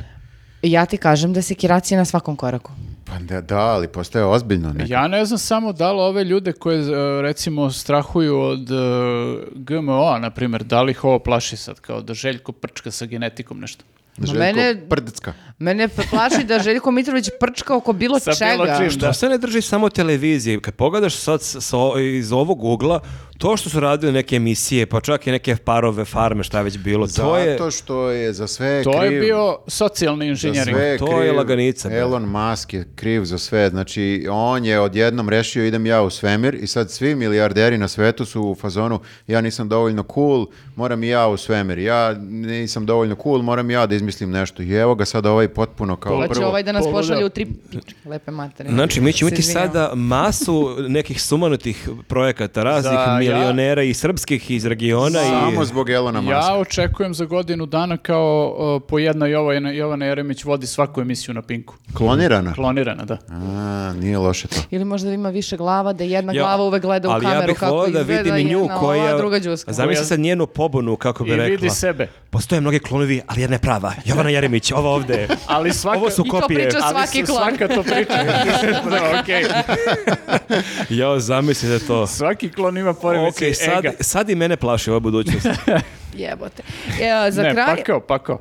Za kraj smo, da, želim da prokomentarišemo jedan uh, slatki uh, video. U kojem- Slatki video. Pa slatki, šta da kažem? Malo da o, završimo podcast u jednom lepom tonu. Jeste, čovek napisao žene su zakon i onda je e, napisao, da, iz- između ostalog, i da on pred svaki važan sastanak pegla svoj sako, jer zašto da ne, muškarci Jeste. peglaju.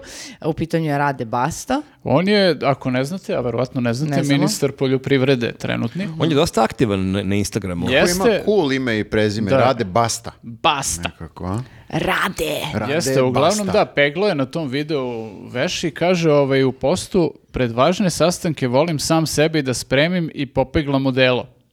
Važno je da čovjek ne zaboravi da živeti ne znači samo disati, nego i raditi. Žene su zakon. Wow, A ja- okej. Kada Baš- kažem raditi, baš mislim peglati. Baš krupne misli, za to ja peglam. Ali da, mislim, e, uopšte ne kapiram poveznicu, vezu između prve dve rečenice i ove posljednje. To žene su zakoni kao neka mantra koja se ponavlja. Da, samo je to rekao onako random. Daćete mi 200 grama bureka i jedan jogurt, žene su Žene su zakon. zakon. Kao, Pa, dobro. Uskoro će 8. mart, molim vas. Zato što znači, kao zna se šta je ženski posao, to je da pegla. Ali A ovo u smislu kao što... ume, i- ume i on Ume i da basta. pegla i malo je odmenio žene. Da Kao i, se ne- i bogati plaču i muškarci peglaju. Na primjer, da, kao evo, možemo i mi malo da preuzmemo jedan Ja sam deo jutro tereta. spegla ovaj duks, ali nisam rekao žene su zakon, samo sam Pritom, ispeglo duks samo i to da je to. kažemo nešto. Znači to, e, peglam jedan sa Kojičić pred sastanak i kao ja sam sada carina, Mhm. to nije ništa u odnosu na kamare koje žene popeglaju kad stvarno se uzme ali da žene se su, pegla. ali žene su zakon. Pa, da, ali Pa, on to nije... Da, ne znam sad da li je e, njegovoj ženi recimo to kao dovoljna satisfakcija što je on rekao žene su ono, Bilo bi zakon, super da mu ona- žena odnosno ti komentar, e ajde liče onda kad smo zakon imaš tamo puno, ono, pun krevet stvari za Jeste, peglanje. brate, oprešeno šest e, mašina, za, mašina veša i kao, e, ja ću sa Kojičić... A dobro, ali ok, okej, ali širi svest o Ne, ne, tome da ali- nije sramota da ako si neki muškarac sa Balkana ispeglaš nešto. To je ipak mali korak. Nije, ali je sve skupa, e, n- to nije sad neki rad, ne, nije samo disati, nego živeti i Generalno, raditi, šta e, već ja- kapiram šta je on hteo ovde da uradi, ali je tu radio malo bangavo Treba i da ispegla sako. samo je trebalo da ispegla sako i ono, da ne pravi big deal od toga. On je kao opet to stavio u kontekst muško-ženskih poslova. Mhm. Ako kao imaš stvarno nameru da ono, ovaj, promeniš stvari, prosto ne... Samo okači da peglaš Samo i kaži okači evo. peglam sako za posao i što Je on god. sada feminista? Jeste. Da. Pa oni bi svi voleli da su, da, da, da, da su feministi, ali nisam sigurna da, da, zato što je sad moderno, ja sam čula da je to sad moderno, da se bude i onda... eto. Ali zanimljivo što on dok pegla, e, vidi se u pozdini upaljene TV i ide Fox TV, ali američki. Mhm. Tako da vidiš, on opet gleda znači kanal koji je dosta prorepublikanski, dakle onda Super, nije, da, da. nije liberalan neki kanal, nego baš gleda ove hardcore. Sad si učitao baš dosta A stvari. jeste, jeste, ali znaš dosta. šta, mislim, uh, a šta je, gleda informativni fokus? Da, da, neke vesti, da, da. Pa dobro, ali uh, za pojmove Srbije i oni su prilično liberalni kad pogledaš ovaj, njihovu agendu. Ništa, ono, ali, da, ne znam stvarno koji je to poriv, mislim, svako od nas pegla nekad, ja nisam vidio nikad ni ja, ni vi da ste Pa kačali to su, fotografije. ali stariji ljudi ne znaju da se ponašaju na mrežama, znaš, oni misle da sve mora da se okači. Sve je i da- vest. Sve je neka, sve im je cool. Pa opet, opet svi hoće da budu cool. Mhm. Mislim da se sve svodi na to. A o, zapravo ispadnu, neću da kažem, ali cringe. Mhm, Ok, da. Rekao sam. pa Lepo si to rekao. Vidiš, što bi naš kolega Kesić rekao cringy. Cringe Cringy. Ispadnu cringy. Ništa, pa došli smo do kraja ovog cringy podcasta onda. E, Jeste, a, i mi smo bumeri isto. Samo da kažemo da imamo još jedan segment koji se zove Relax rubrika. U, to će biti u ludilo. kojem ćemo da pričamo o našim utiscima vezanim za pesmu za Euroviziju. Kad smo već kod krinđa. Kad, okej. Cringe-ija. I ništa, vidimo se ponovo za sedam dana. Ćao ljudi. Ćao.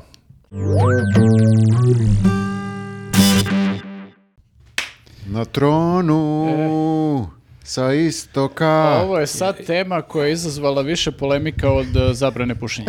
Da, konačno relax tema, nismo imali neko vreme i to kakva relax tema, ljudi. Jo, ljudi, bože. E, ludilo potpuno. Pričamo o izboru za pesmu Eurovizije, za našeg predstavnika.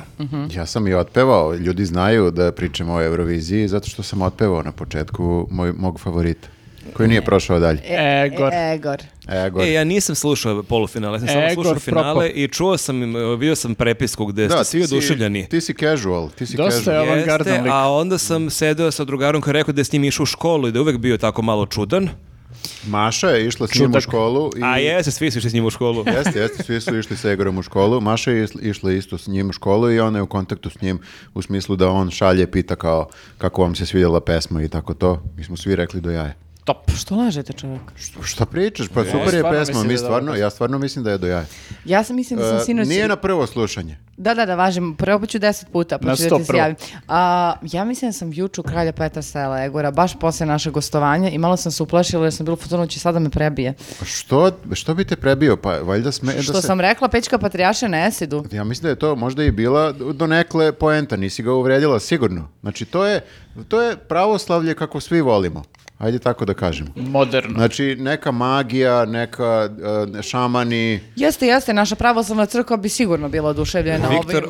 ono, e, drži gostići predavanje na teologiji, znači, bogoslovje, znači, ljudi ovako, Ja s tim- pravoslavlje. to sve Svi to volimo. to je sve nešto s či- oko čega možemo da se okupimo, znaš. Džuskamo i Znači, neke- to je šaman neki. Ovo kad krenu da Na pričaju- stubu. Ovo kad krenu da pričaju o pravima žena, pravima gejeva, tu me gube ovaj pravoslavlje. Ali ovo, starac na tronu, Starac dana. starac dana, to mi je skroz mi je prihvatljivo.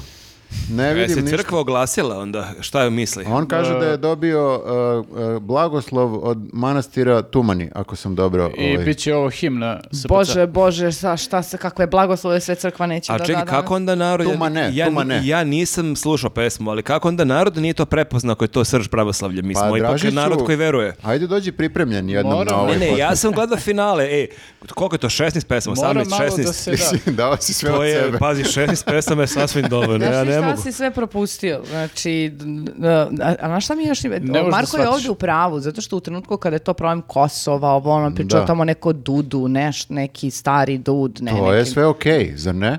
Kako nije prošla pesma Starom Dudu? Da. To su sve pra- prave To se i ja pitam. tradicionalne vrednosti, samo iskazane na modern način. Tačno. Vidi kako Nenad zna, a on najviše zna o muzici od svih nas. I najveći je vernik, to je taj spoj.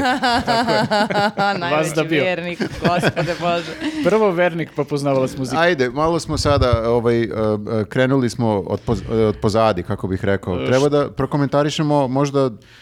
Čekaj, ali ti koji su otpali, ajde sad, znači, Da, ljudi, ajde. Fili- Ajde. ja nisam gledao, ali ja sam se zaista nadao da će Filip Žmaher ipak uraditi nešto, šta se desilo? Kakva katastrofa. Kako da uradim? U Katastrofa smislu, njegove katastrofa pesme. što nije prošao. Ma kako, kat- ma šta pričaš, mislim, e, a, prvo, ko- ko- e, to, to korišćenje, a, a, a, kao, sad ćemo mi podržati žene, daćemo im prostora, tako što one kao nešto sviraju tu uz njega i onda on kad posle priča... Ču- Ti- Uskaju. Što ti ne veruješ da žene stvarno umeju da sviraju? Ne, ja apsolutno verujem da žene s- mogu da sviraju, ne znam zašto im je mi bio potreban Filip Žmaher da bi one svirale uopšte. Ti ne veruješ u žmakerove Čekaj, čekaj, čekaj, namere. sad, n- kakve sad žene su, E, pes- podrška že- Jesi čuo pesmu Filipa Žmaka? Jesam, ali nisam gledao, samo sam čuo. da. E, ima, ima u svom nastupu, ima žene koje sviraju I instrumente. šta je tu sporno? Ne, nije, nije ništa sporno, nego je samo Jelisaveta lame. misli da žene samo udaraju bez veze po instrumentima, da nisu Ali stvarno svi su- svirale. Deko- dekoracija su. Ali svi su tu na playback, niko tu ne svira stvarno. A, samo se peva stvarno, Pa a da. u matrice su Mhm. u pitanju. A, To se isto videlo i e, jedan lik koji je nastupao e, kao na klaviru, ali e, ti slušaš pesmu i bukvalno tek negde u, u zadnjem mozgu naslutiš neki klavir. To je ovo iz Novog pazara, ne znam kako se zvaše. Što je jako čudno, zato što ako si sad ti s- sam na sceni sa klavirom, očekuješ da će se nekako taj klavir baš čuti i da Baš je ono to... El- Elton John. Pa nekako da sad to, jel te, a, instrument koji prevlađuje, je li? Zar ne? Ja sam bila u fazonu, čekaj što ovaj čovjek ka- kao svira klavira, nema klavira. I onda sam vraćala pesmu da čujem i kao ti čuješ negdje trom, trom. Mhm. Čuje se malo, da, da, da. Malo, malo, malo, malo. Pa to je samo scenografija, nije to pravi klavir. Mhm. Niko tu ništa ne svira, bre. E, to, se, to se najbolje videlo u e, nastupu Duo Grand, kada su izašle dve ribe koje sviraju gitare. Meni potpuno- je to bilo potpuno neverovatan nastup. Potpuno neverovatan nastup, zato što kombinuje mnoštvo stvari koje nisu za kombinovanje, protiv prirodni bluz. pa Pazi, e, nije, nije, pazi, da- nije da nije e, to za kombinovanje, e, s- ono, mislim, svašta smo svi čuli da se ukombinuju u jednu pesmu, ali Znači, bilo je narodnjak Da. ala Jay. ovo zvuči kao da si, e, ne znam, bio u nekoj kapsuli ceo život i onda si izašao ono dan pred e, Eurosong i imaš ono, treba da iskomponuješ pesmu i prvi put si čuo tri žanra ono u životu, klasiku, e, to je stoperu, šta god, e, rock i narodnjake I malo ima i repa. i napravio si uh, i po jedan deo od svakog i samo to, Mhm. To je ovako zalepio jedno svako za drugo. Po ne- za svako po nešto. Bukvalno, da. To je je- Vučićeva politika, catch all, što da ne? Možda Ti imaš tu zapravo četiri pesme koje A da, svakom- mogu da se lepo razdvoje i da imaš četiri pesme, ali, ali oni su ih uh, izmiksali. Sabili su u jednu i to Izmiksali. stvarno ne zvuči... ono, To je Ono, fusion. Jeste. To je fusion i plus tu je tekst, koliko sam uspeo da čujem tekst, jer e, ne razumem operu baš najbolje, ali e, e, tekst govori nešto tipa da su to dva jeli, e, e, momka koji imaju svako svoj problem. Ovaj jedan je siromašan, teo bi da bude bogat, a ovaj drugi je bogat, Ali ali teo bi da bude siromašan. Hteo bi da bude da ima dušu. Nema dušu. I oni ne mogu zbog toga što ovaj nema dušu, ovaj nema pare, ne mogu da osvoje e, žene koje se pojavljuju koje se pojavljuju u Sa jednom, gitarama. sa gitarama u i jednom. pomire te različitosti. Tačno. Ja, e, meni Čekaj, naj- mi tu pesmu nismo poslali. Na... najveći problem u nastupu je što žene vidno ne sviraju gitare po meni. Mislim ima dosta mnogo Mhm. Baš je fake. problema. Ima dosta drugih problema, ali ovo da je da su ovo izveli da žene sviraju zapravo gitare, pa to je apsolutni pobednik. A ne ovako kao izađu i samo sviraju air gitare. Bez veze skroz. Ma bre, i taj air gitar nije lako svirati, to imate takmičenje za to, to je se baš veliko cimanje da bi ti derlovo Jeste, vjerodostojno. ali treba jer kao, ma, mislim, oni svi probaju sve to za, za Eurosong, za, to je za takmičenje kao ko zna koliko puta i kao zašto ne uvežbate malo bolje makar te pokrete ili ne znam šta ako ste već rešili tako da svirate Zato fake. što je ovdje trebalo da bude kao u isto vrijeme i seksi i sviranje gitare i A, oni nisu ne mogli može. da ukombinuju to. Nikako. A jel možemo da prokomentarišemo frajle? Jel moramo? Ja stvarno moramo. Ja sam prokomentarisao ovaj već. Šta Kako? si napisao, Nenade? Vidio sam da si napisao nešto smešno. Ajde ponovo, reci, molim. te. Reci nešto smešno frajlama. E, Njih treba okarakterisati kao oružje za masovno uništenje. Dosta radikalan stav. Sajem na oružanje sljedeće godine u Abu Dhabi u frajle na naš- štandu. ja, e, mislim, ja stvarno redko, ovaj, mislim, Što ne posljednjih... beše prošlo finale? Jesu, da. Jeste, ali si imala nešto nula bodova. da, Ne, nešto? posljednjih... Baš čudno. Ja Pazi se, kad Nenad to kaže da nije mogao nešto da sluša. ne, ja se posljednjih x godina stvarno trudim da ne pišem uopšte o muzici koja mi se ne dopada i koja mi je bez veze. Morao je Ovaj nešto da kaže. I, ali ovo je sad, znaš, gledam takmičenje i nekako su mi legitimna meta, a toliko me nerviraju. Mislim, ove ostale nisam komentarisao. Jeste, to delo Mislim- mislim kao da da, sam samo- namer- namerno to radi. Ovako ne priča o Vučiću, bukvalno tebe ništa nije uveliko iznerviralo. Mislim da sam samo njih prokomentarisao tih nekih koji mi se nisu dopali. Jer k- ne razume, mislim, kao što to radite svake godine? Ako ne... I što su se izule na kraju i pohitale ka kamerama? Sad će neko reći ako ne razumeš zašto komentarišeš. E, Aha, nemamo Ali on odgovor. razume toliko toga, pa kako je moguće da onda ovo ne razume? On, on čak i previše toga razume. Da, ti imaš previše razumevanja za Mislim stvari. da je ovo sad malo, možda zvuči kao da ne voliš Vojvodinu i ceo taj Ma vibe. nije, nema veze s tim. Mislim, ok, ja razumem taj stil koji oni sviraju to sad, nekome se dopada, nekome se ne dopada, ali e, oni Ali ovo su- nije čak ni to što one sviraju A, inače. Nije, mislim, i odstupaju od toga, kao hteli su nešto malo da modernizuju, ali e, već koji put je ovo njihovo pojavljivanje na ovom Ozbiljna takmičenju? analiza, frajli. Da, da, koji put se pojavljuju i svaki put ono kao, bukvalno vidiš kao da, da su onako smandrljale tu pesmu za, za jedan dan pre ono takmičenja. Ma užas, užas, stvarno to. E, scenografija, nije scenografija, nego ovaj, e, sam nastup, ono... Kosti, kostim se to kaže. Nije čak ni kostim, nego ovaj, š- kako se to zove, ono, koreografija. Nula. A ti bi igrao break dance, ne razumem. Ne, mislim, imaš, imaš ovog lika, ne znam, ovaj, Baloša koji je isto je tipa nešto onako svedena mu je bila koreografija i sve to, ali kao ima neki koncept, vidiš Pa da, ali da- čekaj, one svetlosne, o, o, mislim, o, o, svetlosni ovi aranžmani su bili baš impozantni. Ono, Jesu, Pa da, ali Nije na, ni poč- morao na mnogo da početku se... Mm. kad izađe on onako samo u tom ono grtaču, tamnom i sve to ima, znaš, neka ideja koja je povezana sa pesmom. Mm. Kod ovoga samo, znaš, kao da su izašli u kafanu da đuskaju. Pa, I baš mi nije primereno prosto da izađeš Možda su samo- u tom izdanju. A Samo- njima to prolazi već na godinama, takmič- mislim. Ali Pa, možda su one nažalost. iskori... Ja samo pitam nešto. Jel ovi ljudi dobijaju pare neke za ove pesme? Ne, to ti samo promocija. Ti ono. To si- ti podiže cenu kasnije. Da, ti Pošto si- su se, znači ljudi su se za džabe, u- uložili su pare neki, Ko? uh, pa neki na, izvođači prve i druge večeri, Aha. i, u, svoje pare, znači, za Po kostime. To se evra. zove investicija. 100 evra, šta? Ja, to se zove propala investicija, evra. ja da ti Dobro, kažem. ali To te- zove propala investicija. Gledate familija. Pa da, dobiješ tu nekako, ja sam Pa čekaj, nastupao na dižeš RTS-u, sebi cenu, pa je ovaj, milioni ka- ljudi su kako me zove ono, vidjeli. onaj band Čegi beš, oni što sviraju po svadbama, čini mi se, Tačno. oni svi prošle Yes. godine imali finu pesmu koja je bila u top 3, 4, I ove godine su imali istu tu pesmu. pa mnogo lošiju, ali... da, ali nije, A Oni su u fazonu, niko neće provaliti, idemo s istom pesmom. Nije ista pesma, prošle godine je bila okej pesma. Ti si- Devojka sa plamenom u očima je fina pesma, moje Hoćeš- djeca Pa su hoćeš pevala da- to po kolima, hoćeš da ovo kažeš da nije ovo fina nije bila fina Ovo je pesma. baš Ovo- su šljarili, da. ne možeš Mhm. da je zapamtiš uopšte. Ali hoće kažem, oni su sigurno sebi digli cenu, jer to više nije neki band za svadbe, nego to, To je su oni koji su bili Čegi. na Eurosongu, pa da, da. Dva puta za redom. Tako je, to je investicija. A š- kako, e, a jel to onda je istom filozofijom? Ali, na primjer, evo Tijana Dapčević. Druga godina za redom Šta nastupa, je li? fali? Annie Lennox naša. Okej. A jel ona svira po svadbama pa sad je rekla aha treba mi o, e, Beovizija da podignem sebi cenu. Pa sigurno treba za neke Pa nastupe. dobro, negde znaš, Ako svira. si javna ličnost, ako si u tom svetu, treba povremeno da podsjetiš ljude na sebe. Treba da Ali ona ostaneš evo u dve formi. godine za redom nas Gospod- podsjeća na A dobro, sebe i, i sad, bezuspešno. I sad pričamo o njoj. Eto. Ja bi pričao Tini Dapčević da nam se nije pojavila. Ne. Ne. To ti kažem. Imala je i ona jedna o, o, o, što daje glumice što daje glasove e, Olivi. Ću, Znači, Šta? To ne znam. To ja je- sam mislio da znam sve o Ona je, ima- Eurosongu. mislim da je zajedno sa svojim e, mužem ili bratom radila i povezano sam što može partnerski odnos da tu nazad i to ne može niko.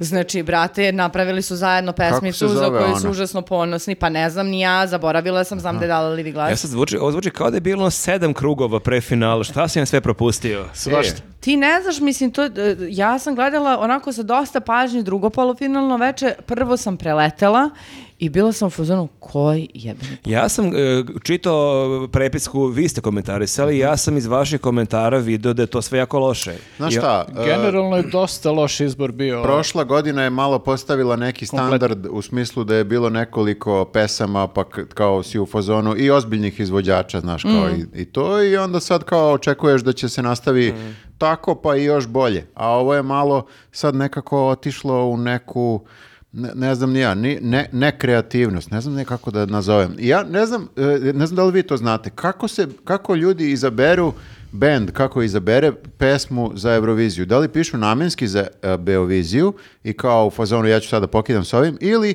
im je to neki ostatak, ono ostalo, neki Nije, pro- restlovi. nije, prošlo, nije prošlo za album. Nije prošlo za album, pa kao ajde da ga sigurno će prođe na ovom ne takmičenju. znam, Pa Čekaj. ima sigurno i toga, da. Konstrakta je imala triptih, je li? Pa je jedan deo triptiha rekla Jeste. to će bude za Euroviziju. Da, da, da. Ja, e, između ostalog, moram da kažem, ne znam da li ste primetili, ove godine je bilo malo onako l- bizarnijih nekih momenata.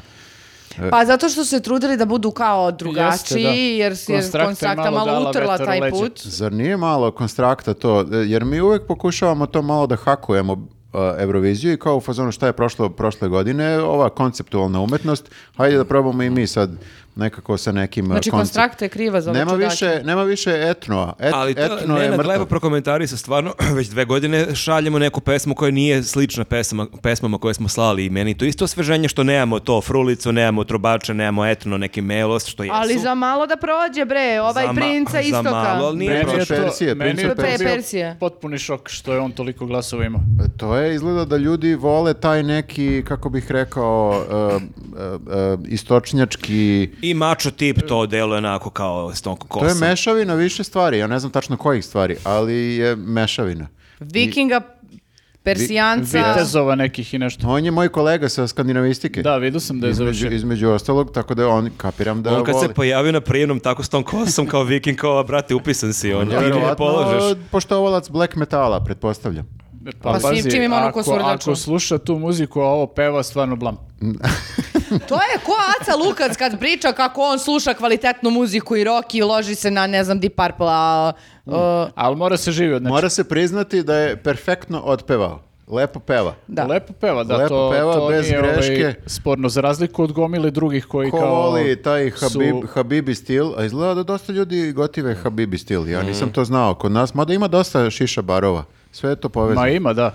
Pa ko ima neku pesmu, ono Habibi? Pa Ne. princ od Persije. Ne, ne, ne, ne, ne, ima još neko to peva e, s- z- i to baš zavija. E, I to je hit neki. E, dobro, nećemo Nema se veze. sad sjetiti. Nego da se ajde fokusiramo na stvari koje su nam se svidjele. Nemoj- Nemoj, samo da da pljujemo. Ajde. Šta? Šta? I meni, se- meni je... evo, Meni se najviše svidao Ajde. deo s Beatlesima posle, tokom glasanja. To je bilo toliko... A ne, ali stvarno, E, stalno kritiku ljudi RTS. Jako E ovo je je- super. jako je lepo urađeno, Jako da. lepo urađeno, super je izbor i super su vođači kad se Oliver Nektarijević pojavio. To je meni, meni se Jeste, toliko bilo je mnogo obradovao. Ono je bilo genijalno. Bilo je Jeste, mnogo stvarno je dobro. bilo lepo. Iva Lorenz isto otpevala, Dejan Cukić. Mm. To je super. Gile, da, to je Jeste, stvarno da, onako da. baš neočekivano meni bilo. Lep jedan medli, mislim. Ali Tako da, evo, prosto- pohvala za RTS za Da, taj deo. super je što su tu izvukli inf- inspiraciju kao Liverpool, Beatles i kao laki im je posao bio, ali dobro je što su to lepo realizovali sve. Mm. Nego zato što mene zanima. Ono što je pričao Marić na početku, što Šta su tačno? šerovali. Šta- Da ne aha. smemo da ćutimo na nasilje, verbalno, Aha. fizičko, LGBT. e, LGBT i tako dalje, što je kao fajn, ali ja nisam nešto kao pretrano iznenađena. Marić nije e, progovorio prvi put 2023. o tome, on se na svojim profilima i tekako bavi tim problemima. ali na RTS-u kad se kaže E, to je sad kao revo- mene revolucija. interesuje. E, Mene sad interesuje. Bukvalno sam bila na granici i mu pošaljem poruku. Brate, jesi ti ovo sam napisao pa si rekao ili imate tekst neko je napisao pa vi sad čitate sve uključujući i to. Mhm. Pošto mi je, uh, ako je on to rekao, e, ja hoću da proguram ovu, o- ovo, ovo parče teksta, moje je i to Mhm. mi je važno da kažem, to mi isto za poštovanje i fajn. A s druge strane, ako je stvarno neko ko je zaposlen na RTS-u napisao na- ono, to je onda stvarno ono, uspeh za, za tu kuću. Pa čekaj, ali mislim, svi se nekako ponašamo kao da je to sad... e, kako bih rekao, toliko revolucionarno, nego je nama to Pa postalo jeste, da. revolucionarno. Mi, ja nisam ni primetio kad je to rekao. Ja, Bukvalno. mislim, čekaj, a mi malo pre smo srećni što se RTS setio Da. u 17. minutu da priča u o 2000 protestu. 2023. Ali očigledno da. su nam toliko snizili kriterijume Jesu. da sad sam u Pa fazonu. dobro, ali, ali ono, ovo je poruka koja ne može da budeš protiv toga kao ne treba negovati nasilje, treba mir i ljubav, poštovanje svih. Nije, nije to Naravno toliko... da ne, ali to nasilje se de facto dešava na tvojim ulicama, izboden klinac u, u parku Manjež, mislim, ne, Mm, Ne, ne, pet slažem dana se. pre toga, znači ali nije... ne, ne mogu zamisliti da bi neko sa RTS-a rekao, a ne, ne stavljam veto, ovo ne smeš da kažeš. Mislim, nije on...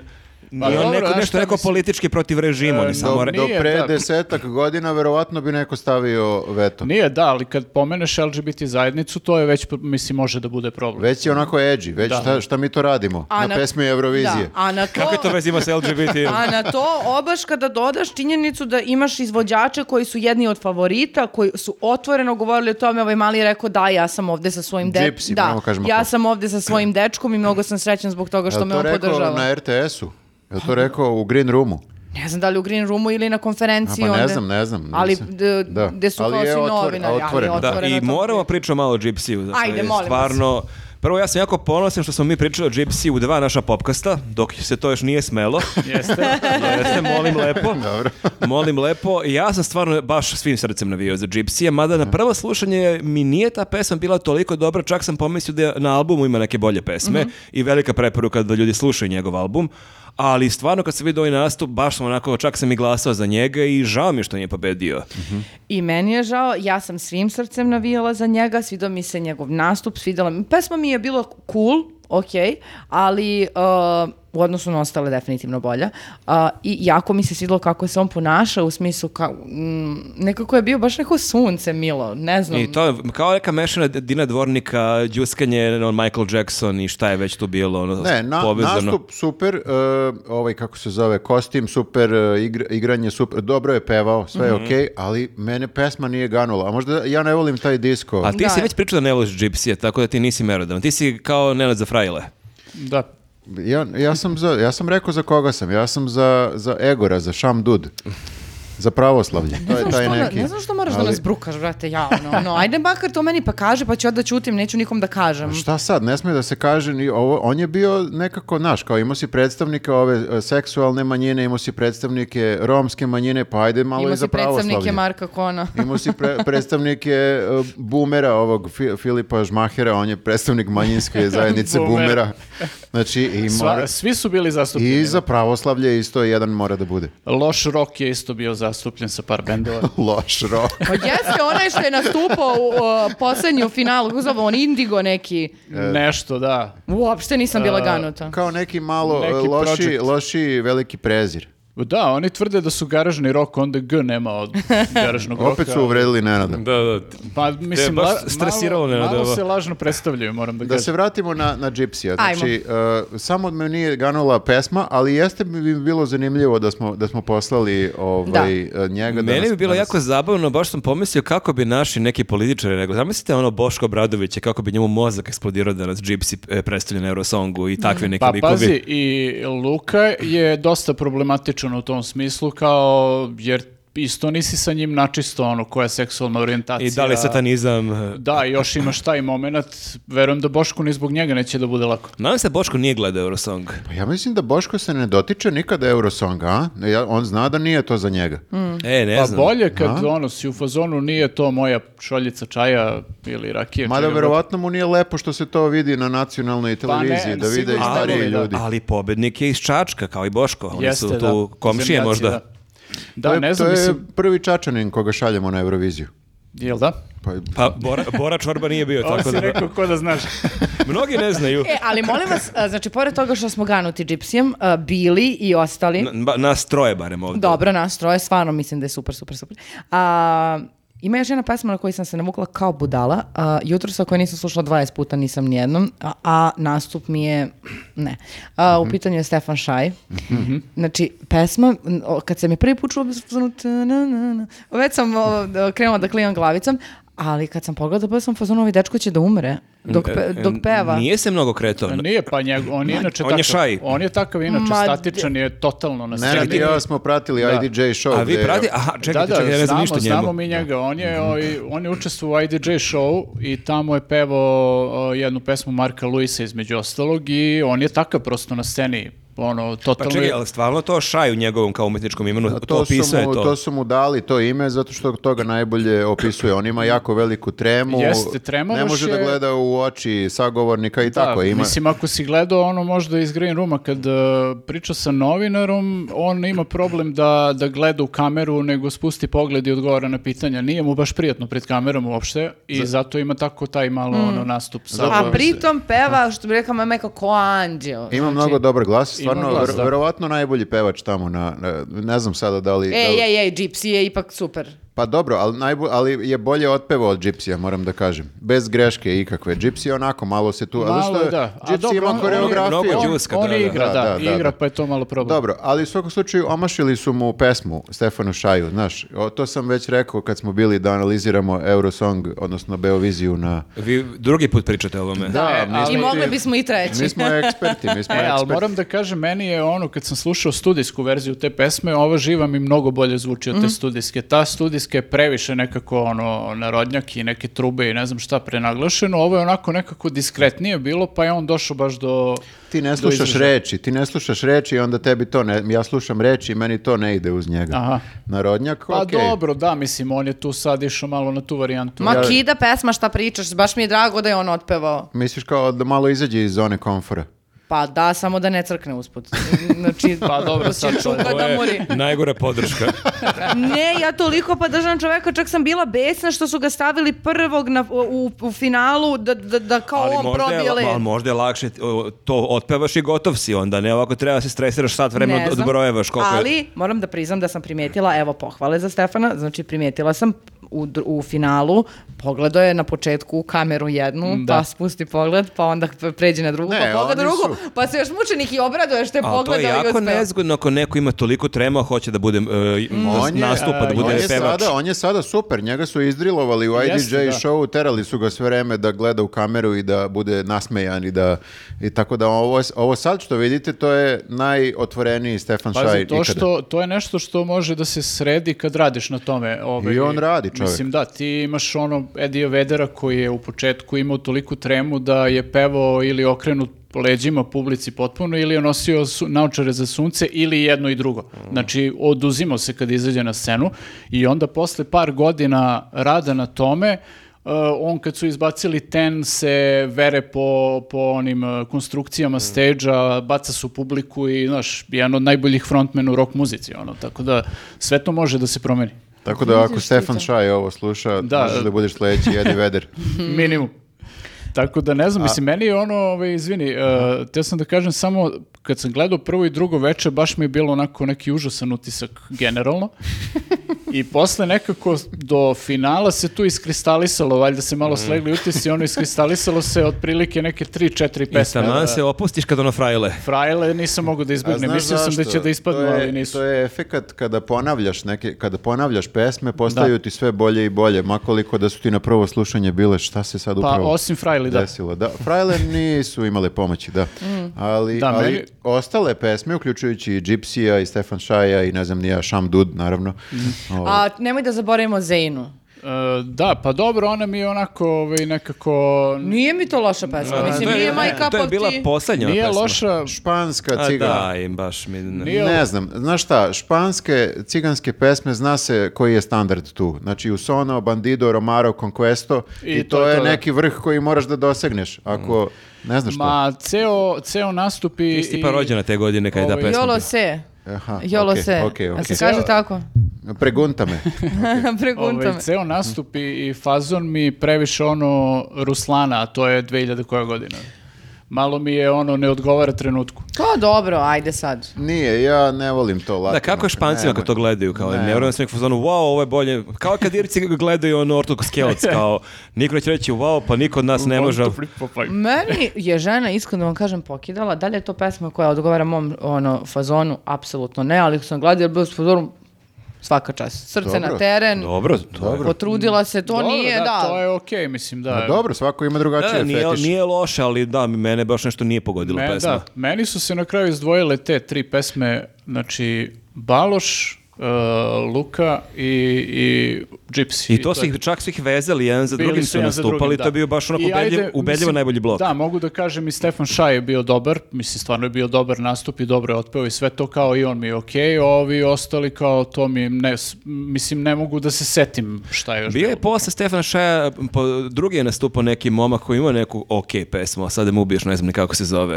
Ne Ma, znate o kome Ne pričam. trebaju nam okej pesme, trebaju nam kidalice.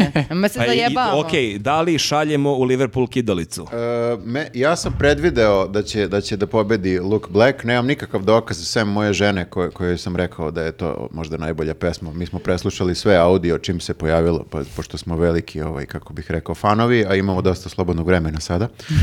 ovaj, tako da e, pogodio sam pobednika i- zato što mi je posle prvog slušanja jedino to ostalo u glavi. i E, Nekako kao sam- zanimljivo je, da. kao da neka melodija koja je iz neke igrice, ne mogu da se setim iz koje da mi ubiješ. On je možda ukrao to, ali možda i nije. Super mi je Ovaj. što hvalimo čoveka, ali kažemo možda nešto Ali je ukrao. dobro ukrao zato što ja ne mogu provalim šta je.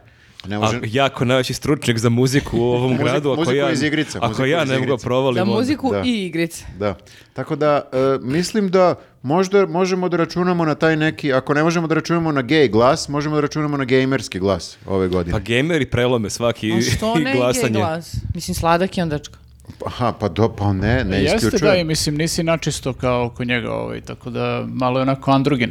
Mhm. Pa da, To ali... mislim da je dobro za Eurosong. Da, što mislim da je potpuno u redu, ne bi volila samo da ga a, neki mediji, ono, a, kako bi rekla, pošto, pošto su fake woke, a, da ga... a, Fake woke, šta je sa to? Pa, znaš kao, volili bi da budu woke, volili bi da budu sad oni da ne tu... znaju ljudi koji nas slušaju, ne znaju šta je woke. Osme, dobro, e, da, m, ako bi neki novinari pokušali da eto, o, budu osvješćeni po pitanju LGBT populacije i tako dalje, da ga možda nasilno stave jer o, Mhm. nekako robuju određenim stereotipima. Aha, kao da mora da se svrsta da li je gej, da li je straight, da li je ovo, da li je Apsolutno. ono. A, dečko, ako se nije izjasnio, ne vidim razlog zašto bi ga iko to na taj način prvo pitao On je- ili ga s- e, a priori bez ikakvog Pa čekaj, ali pitanja ga neko stavio. pitao sad, jel imamo problem taj ili to ti Da, se nije, da. unapred plašiš? On se autovo kao gamer i to je Dovoljno. dovoljno. Da, da. Jeste, da, ali e, mislim on zapravo jedini ima e, od ja mislim svih izvođača stvarno ima performans neki, ono Aha, kao- misliš ovo kao st- koreogra... ono, Da, da. plesače ove neke Jeste, ima taj zombije, početak nisu zombije, u tom nego šta krevetu, A su- izrežira nastup od E, početka Baš do je kraja. onako osmišljen je nastup dobro i to kao ima za razliku od svih ostalih. Svi ostali se nisu baš pretjerano nešto istinili Sem oko toga. Egora, mislim.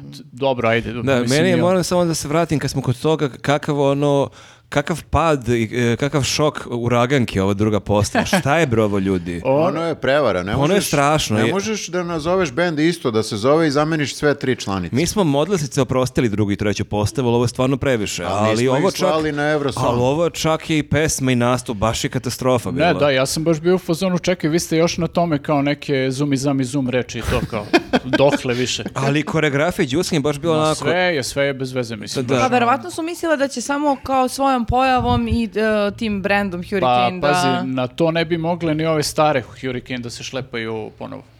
A kamoli ove... Mm. E, Fake. o- očigledno nije više e, trendi da šaljemo kao dobre ribe i drago mi je zbog toga da, Mm. os- da ajde malo da vidimo nešto kao da proširimo vidike, da pošaljemo nekog malo onako ko se pa- ne Evo drugu uklapa. godinu za redom Viktor ima svoju teoriju da ne može dobro dupe da uvek pobedi. Pa dobro, E, Ne, ali upravo je. može, može, mislim a, Španjolka je Malo je bila falilo. Mm. prošle godine, malo je falilo, bukvalno jedan guz je falio. Viktore, aman!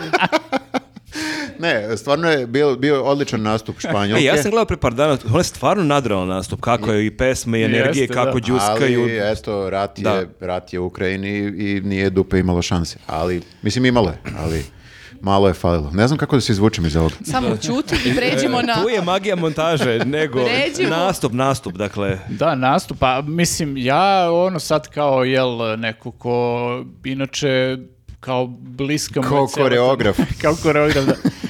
Ne, nego bli- bliske su mi negde sve te stvari koje, na koje je on odigrao, znači i kao te reference na game, na igrice. A i- čekaj, samo pitam da je to e, gamer, je li on referisao na neku konkretnu igricu ili na čitavu estetiku igrice kao takvih? Ona melodija je e, nekako Jeste, takva. o, to je Ali, kao, a- aha. ka- kao, znaš, kad kažu ono neka melodija, ono, 8-bit igrici, to pa kao prepoznatljivo ti je prosto, potiče iz tog Mhm. Ali sveta. on je posle neki robot i ona para, ona creva i to mi je delo kao da imaš na neka kraju- igrica Imaš nešto. na kraju i game over se ispiše i to. I nešto final boss. A znači i pa tada nije na dalje. neku konkretnu igricu, nego inače ta estetika. Nego Više samo je stvari generalno. ubacio neke, ja A, bih pa da, rekao, on je, on je recimo između ostalog je pričao da je kao inspiracija za pesmu ono došla dok je igrao Sims Mhm. igricu ono tokom korone ili pre toga, ne znam kad je bilo, ali kao to mu je jedno od kao zamislio je, ne znam, da piše iz perspektive tih nekih likova ono ono Mhm. virtuelnih i Simsa. Da, da. Ne, zanimljivo, meni je pesma stvarno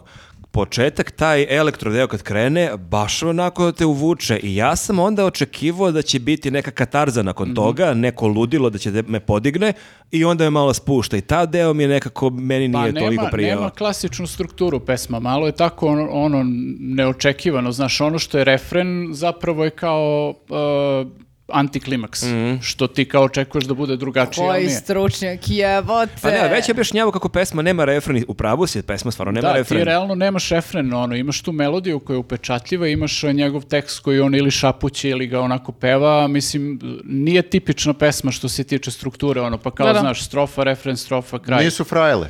Nisu frajle, da. ovaj, ali opet meni se sviđa to što imaš kao te reference na gaming, imaš reference, mislim on je sav onako u nekom gotik fazonu, a opet imaš taj moment na kraju gde prelazi pesma u neki industrial zvuk. Mhm. Bukvalno, tako da ono baš je spojio neke stvari za koje ja ne bih mogao da pretpostavim ne da će da dobro prođu kod nas ovde u konkurenciji, nego da, da ćemo pošaljemo na Eurosong, mislim, baš mi je Ima ono, dosta, ima čudno dosta, mi je da je dosta pobedio na kraju. gamera, goj- dosta gamera u Srbiji. Pa ne znam, mislim, ono, vidim da je dosta A glasa jel od bi publike ti imao. gamerima falilo da je nakon tog dela krenulo neko ludilo? Mislim da ne bi. da. Tebi samo to Pa fali. jes, zato što kao kad si, ono, kad smo raniš ono neke ono, DJ-eve pre mnogo godini, kao kreće, kreće, kreće, kreće i onda ništa. I kao, drop, drop the I bass. Drop the bass, kao daj bre, ajmo neko ludilo i to, o, ja sam se zaista onako polu na ježe, kao idemo sad da čujem pesmu, kao i samo spušta. Jel on sad ne sme da promeni pesmu, da ubaci ovo što Pa Marko fali? ja ovo? stvarno, ako Pa, nije ni- problem. Nisam, si- nisam siguran da sme. Ne, Ako ne zbog gamera, makar zbog Marka. Ali nek barem sniminu verziju za mene, čisto da ubaci Da, da. samo nešto da Samo meni da pošalje, izgruva da, malo, da. čisto da. je ono... E, pa bit će remiksa, sigurno. 100% sve pesme imaju svoj remiks. verovatno, tako da, da. Bit će nešto i za tebe, nemoj da brineš. Okej, ne, čisto da rešimo tu moju Ali brigu. morat će onda otpeva taj Ne, pazi, pesma je Marko. već onako elektronika, Ne, tako ali- da zgodna je za remix, ono, sigurno I će čekaj, bude. to- to je e, Milovan koji je radio nešto toga, E, tako? video sam da i on tu nešto, ovaj, ne znam šta je tačno radio on. Dakle, Milovan iz Zemlje Gruva koji je sa Konstraktom već e,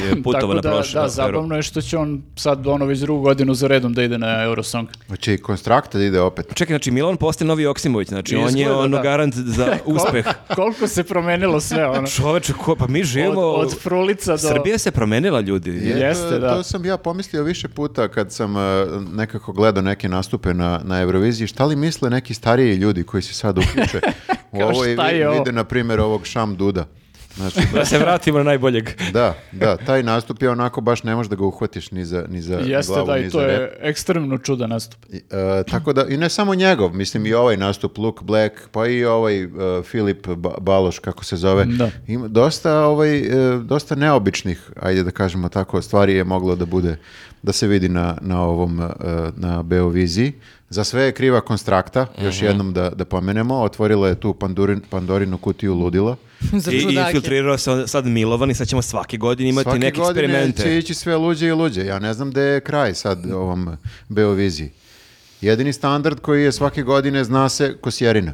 To Mhm. je- Da. I, Žena... I ova, kako se zove, komentatorka. Ne Kristina, ova komentatorka. Duda. A Duška? Duška, Duška. Jovanić, da.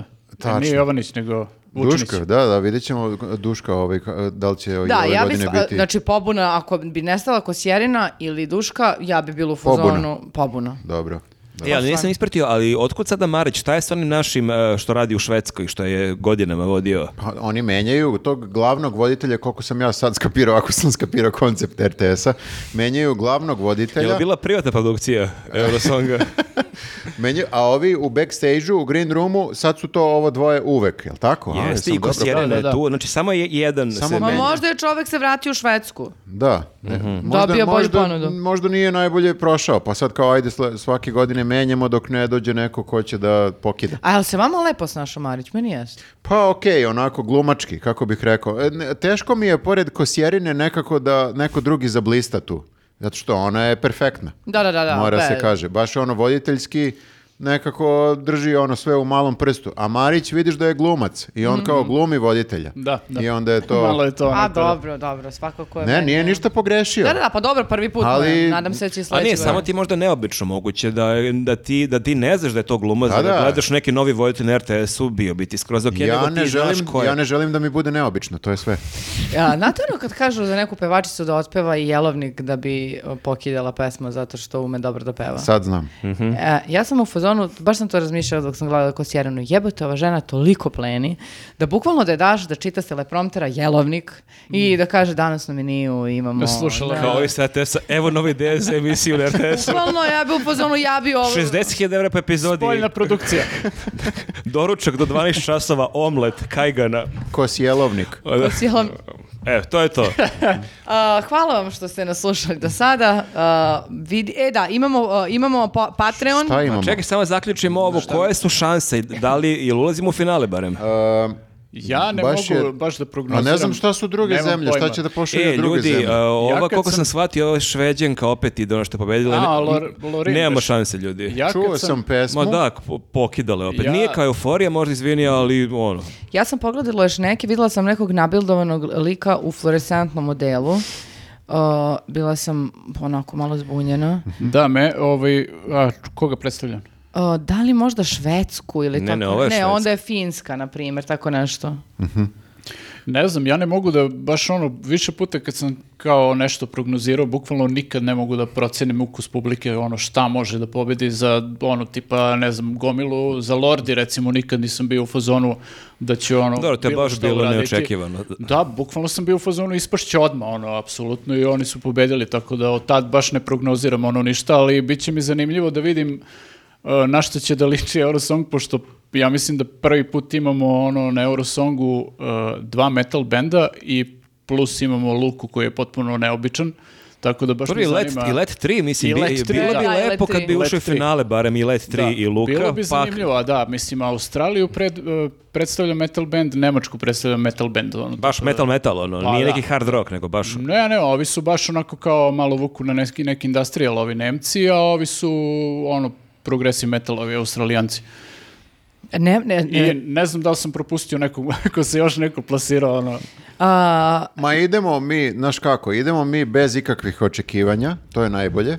I kao, okej je pesma. Da ne bude kao za futbol, za mundijal, znaš. da se ono. ne ložimo Previše, previše. da se naložimo previše. Ložili smo se prethodne godine i to je okej, okej smo se plasirali. okej smo i prošli na kraju. Okej Da, smo da, prošli. da, da. Sad idemo opušteno. Znači, kako prođemo, prođemo. svakako ćemo da gledamo i polufinala i finala. Nećemo se nešto sad stresirati. Samo lagano. Samo Ljudi, pa jel lagano. vi se sećate prošle godine oni ludaci s bananama kad su e, bili u, u, u top ne znam koliko, oni su kao bili neki od To favorita. neki Norvežani beše bili. Jesu, A jesu. ja u životu, što kaže, ne, ne bi po- pomislila da kažem, ima da. šanse Ne da... bih nosila bananu, tako. Ma ne, da, da, oni su bili banane. Oni su bili Wolf banana. Vol- banana. Jeste, Da, bol da, banana, da. jesi Wolf, sećaš? Sećam se Jeste, kako jeste, ne. da. Užas. E, pa što? Što su E, ja, konzervativne tako? izvini, e, jel ja mogu da imam svoj ukus? Možeš, Hvala slobodno. ti što mi da... Slobodno, slobodno. Dogovorili smo se. Jeste se pomirili, ljudi, čekajte. Posvađali se ćemo. na kraju. Ako ste se Dobro. pomirili, možemo da odjavimo. Završit ćemo ovom lepom E, tonu. I love my colleagues. Ćao ljudi, vidimo se. Ćao. Ćao ljudi.